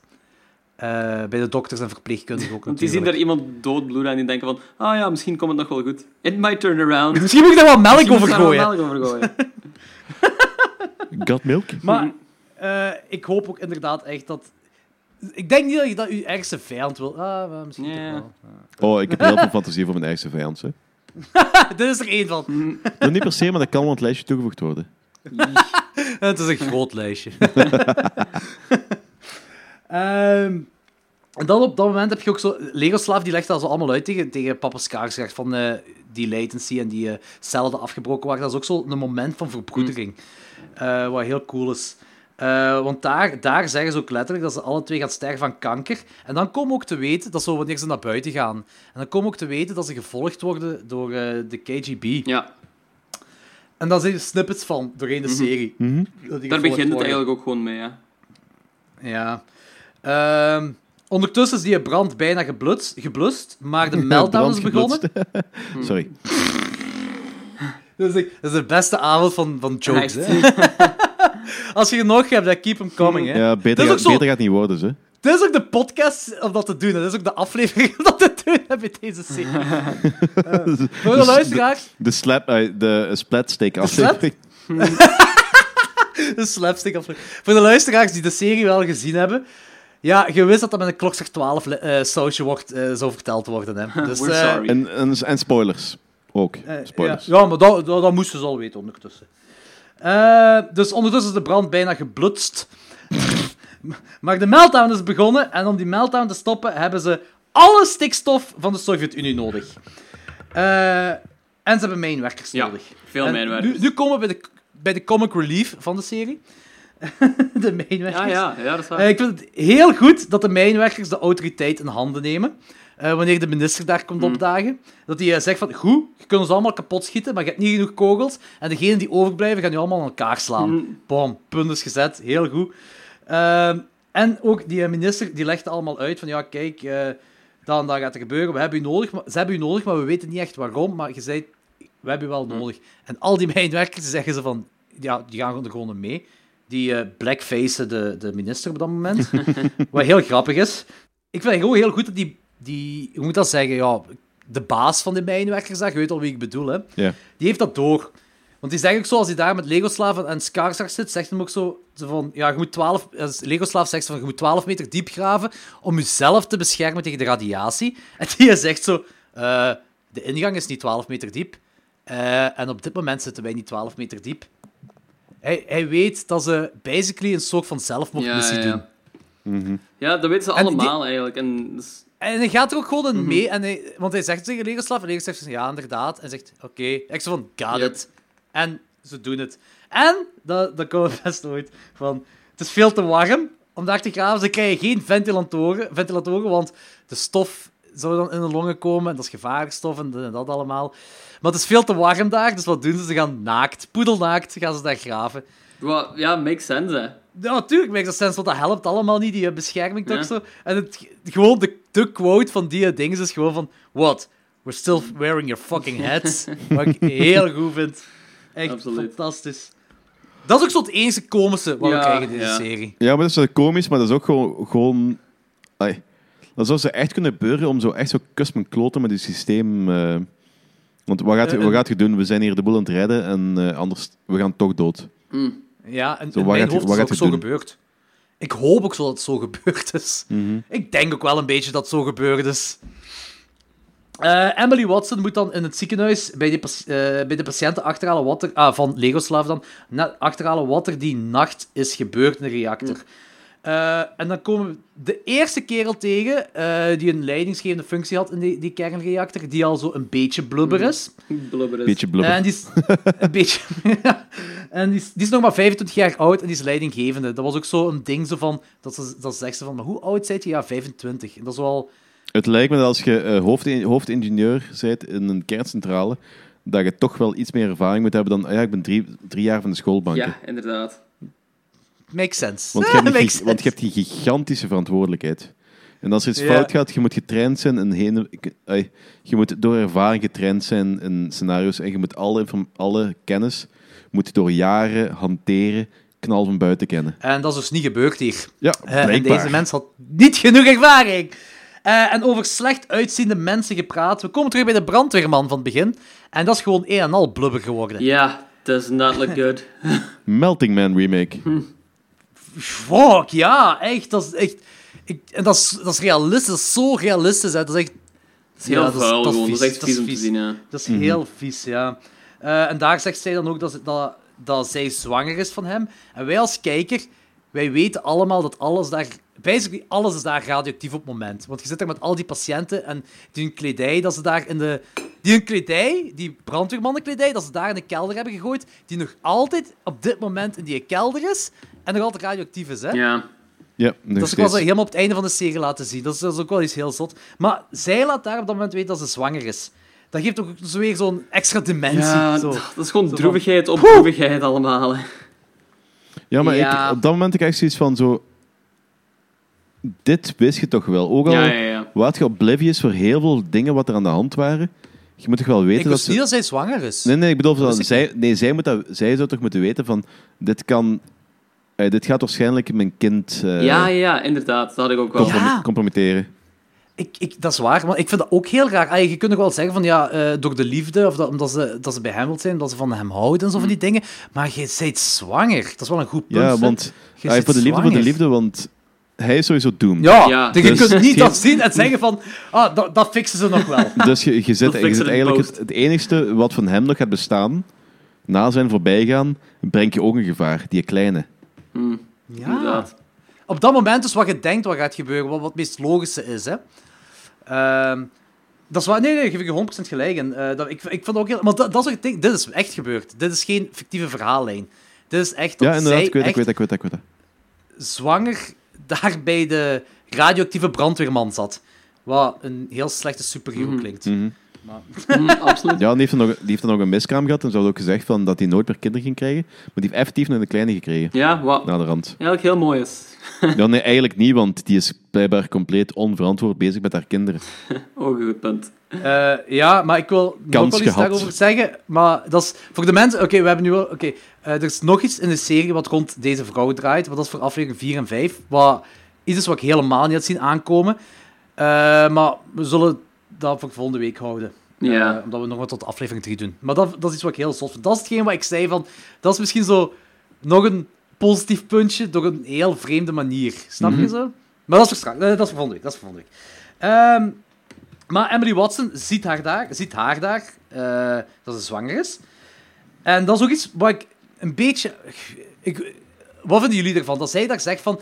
Tegen, tegen, de ziekenhuis van, tegen het ziekenhuis van... Jullie wisten dat zij zwanger was. En waarom laten jullie haar daar? Iedereen gaat dat te weten komen. Ik ga ervoor zorgen dat iedereen dat te weten komt. Ik vond dat zo'n beetje out of character. Dat zij zegt, Ja. ik weet dat iedereen dat te weten Maar komt. wacht, Ja, ik, was dat niet ik, zo, dat Volgens- vond ik een beetje jammer. was het niet zo om shit Want dat gedaan zo- te krijgen dat zij dat zei? Ah, wel, ik denk dat dat gedaan is. Eh, omdat de, K- de KGB komt daar zo en zegt van, wat gaat jij allemaal zeggen? En zij zit dan in het gevangen. Ah, ja, ja. En ik denk dat dat daarom gedaan is. Maar ik vind dat een beetje... Hmm. Oh. Ja, ik vond het niet zo goed want Dat is bedoeld om zo bepaalde dingen in, eh, in gang te zetten in de serie. Rond die KGB Ja. en dergelijke. Maar het voelde heel knullig aan. Hmm. ja, stuk. knullig.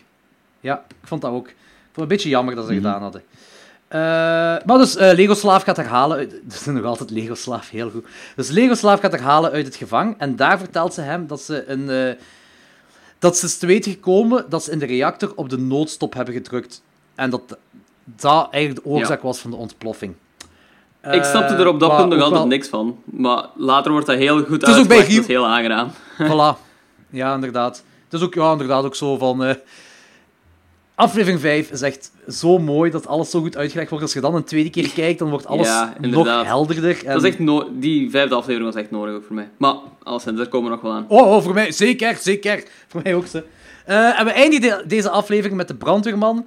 eh, en nog anderen dat begraven worden in metalen kisten. eh, in Ook heel kill, want dat is een, de helden zo gezegd, en die worden zo op de meest kille manier eigenlijk begraven. Ja, dat is echt heel zot. Dat is allemaal... En we eindigen zo met Ja. beton. Ja, heel deprimerend, heel zot, maar zo fucking Ja, dat is absoluut goed. Mhm, Je- als je dit kijkt, wees voorbereid of zo, want ik heb mijn moeite... Ik heb één keer eens twee afleveringen achter elkaar gekeken en daarvoor was telkens zo één aflevering en daarna was ik gewoon emotionally drained. Yep. Eh, yep, ik kan alleen maar zeggen, Yep. yep. Ik ook, ik ook. Maar wel echt, echt zo... Ja, dat is weer typisch dat, wat ik doe. Zo van, ik heb dat gezien en dan heb ik zo, denk ik, vier weken aan een stuk alleen maar over Chernobyl zitten Ah, lezen ja. op het internet. Zo, dat is blijkbaar ook hoe deze serie tot stand is gekomen. Omdat die maker die zegt van, ik weet niks van Chernobyl en is gewoon op het internet gaan doorklikken op Wikipedia. Hm. en eh, zo is hij begonnen aan deze serie. Dan dat boek besteld, Voices for Chernobyl. eh, en is daar dan in eh, Holy meegegaan. shit, dat is zot. Ja. Goed, Alright. dit was aflevering 1 tot en met 3 van Chernobyl. En we hebben een uurtje daarvoor hebben het over horrorfilms gehad, dus voor ieder wat There Eh, volgende week doen wij aflevering 4 en 5 en Chernobyl Diaries. De found footage klassieker. Klassieker? Ik weet, niet of het een klas- ik weet niet of het een klassieker is. Ik denk het eigenlijk niet. Maar ik vind het een hele entertainende film. Oké, Ik weet het zelfs niet meer, het is heel lang geleden dat ik hem gezien Alright. heb. Eh, ik ben benieuwd. Goed, dat is dan eh, voor volgende week. Voor de rest, eh, ja, al die zeven gelijk altijd like. En, en eh, ja, like ons overal en geef reviews. En zo, Yes. enzovoort. Enzovoort. Yo. Goed, moet er iemand nog iets zeggen om af te sluiten? Ehm, Nee. Ciao, bikers. Ciao, gesprekken. Goed, ciao, bye. Buenos dias.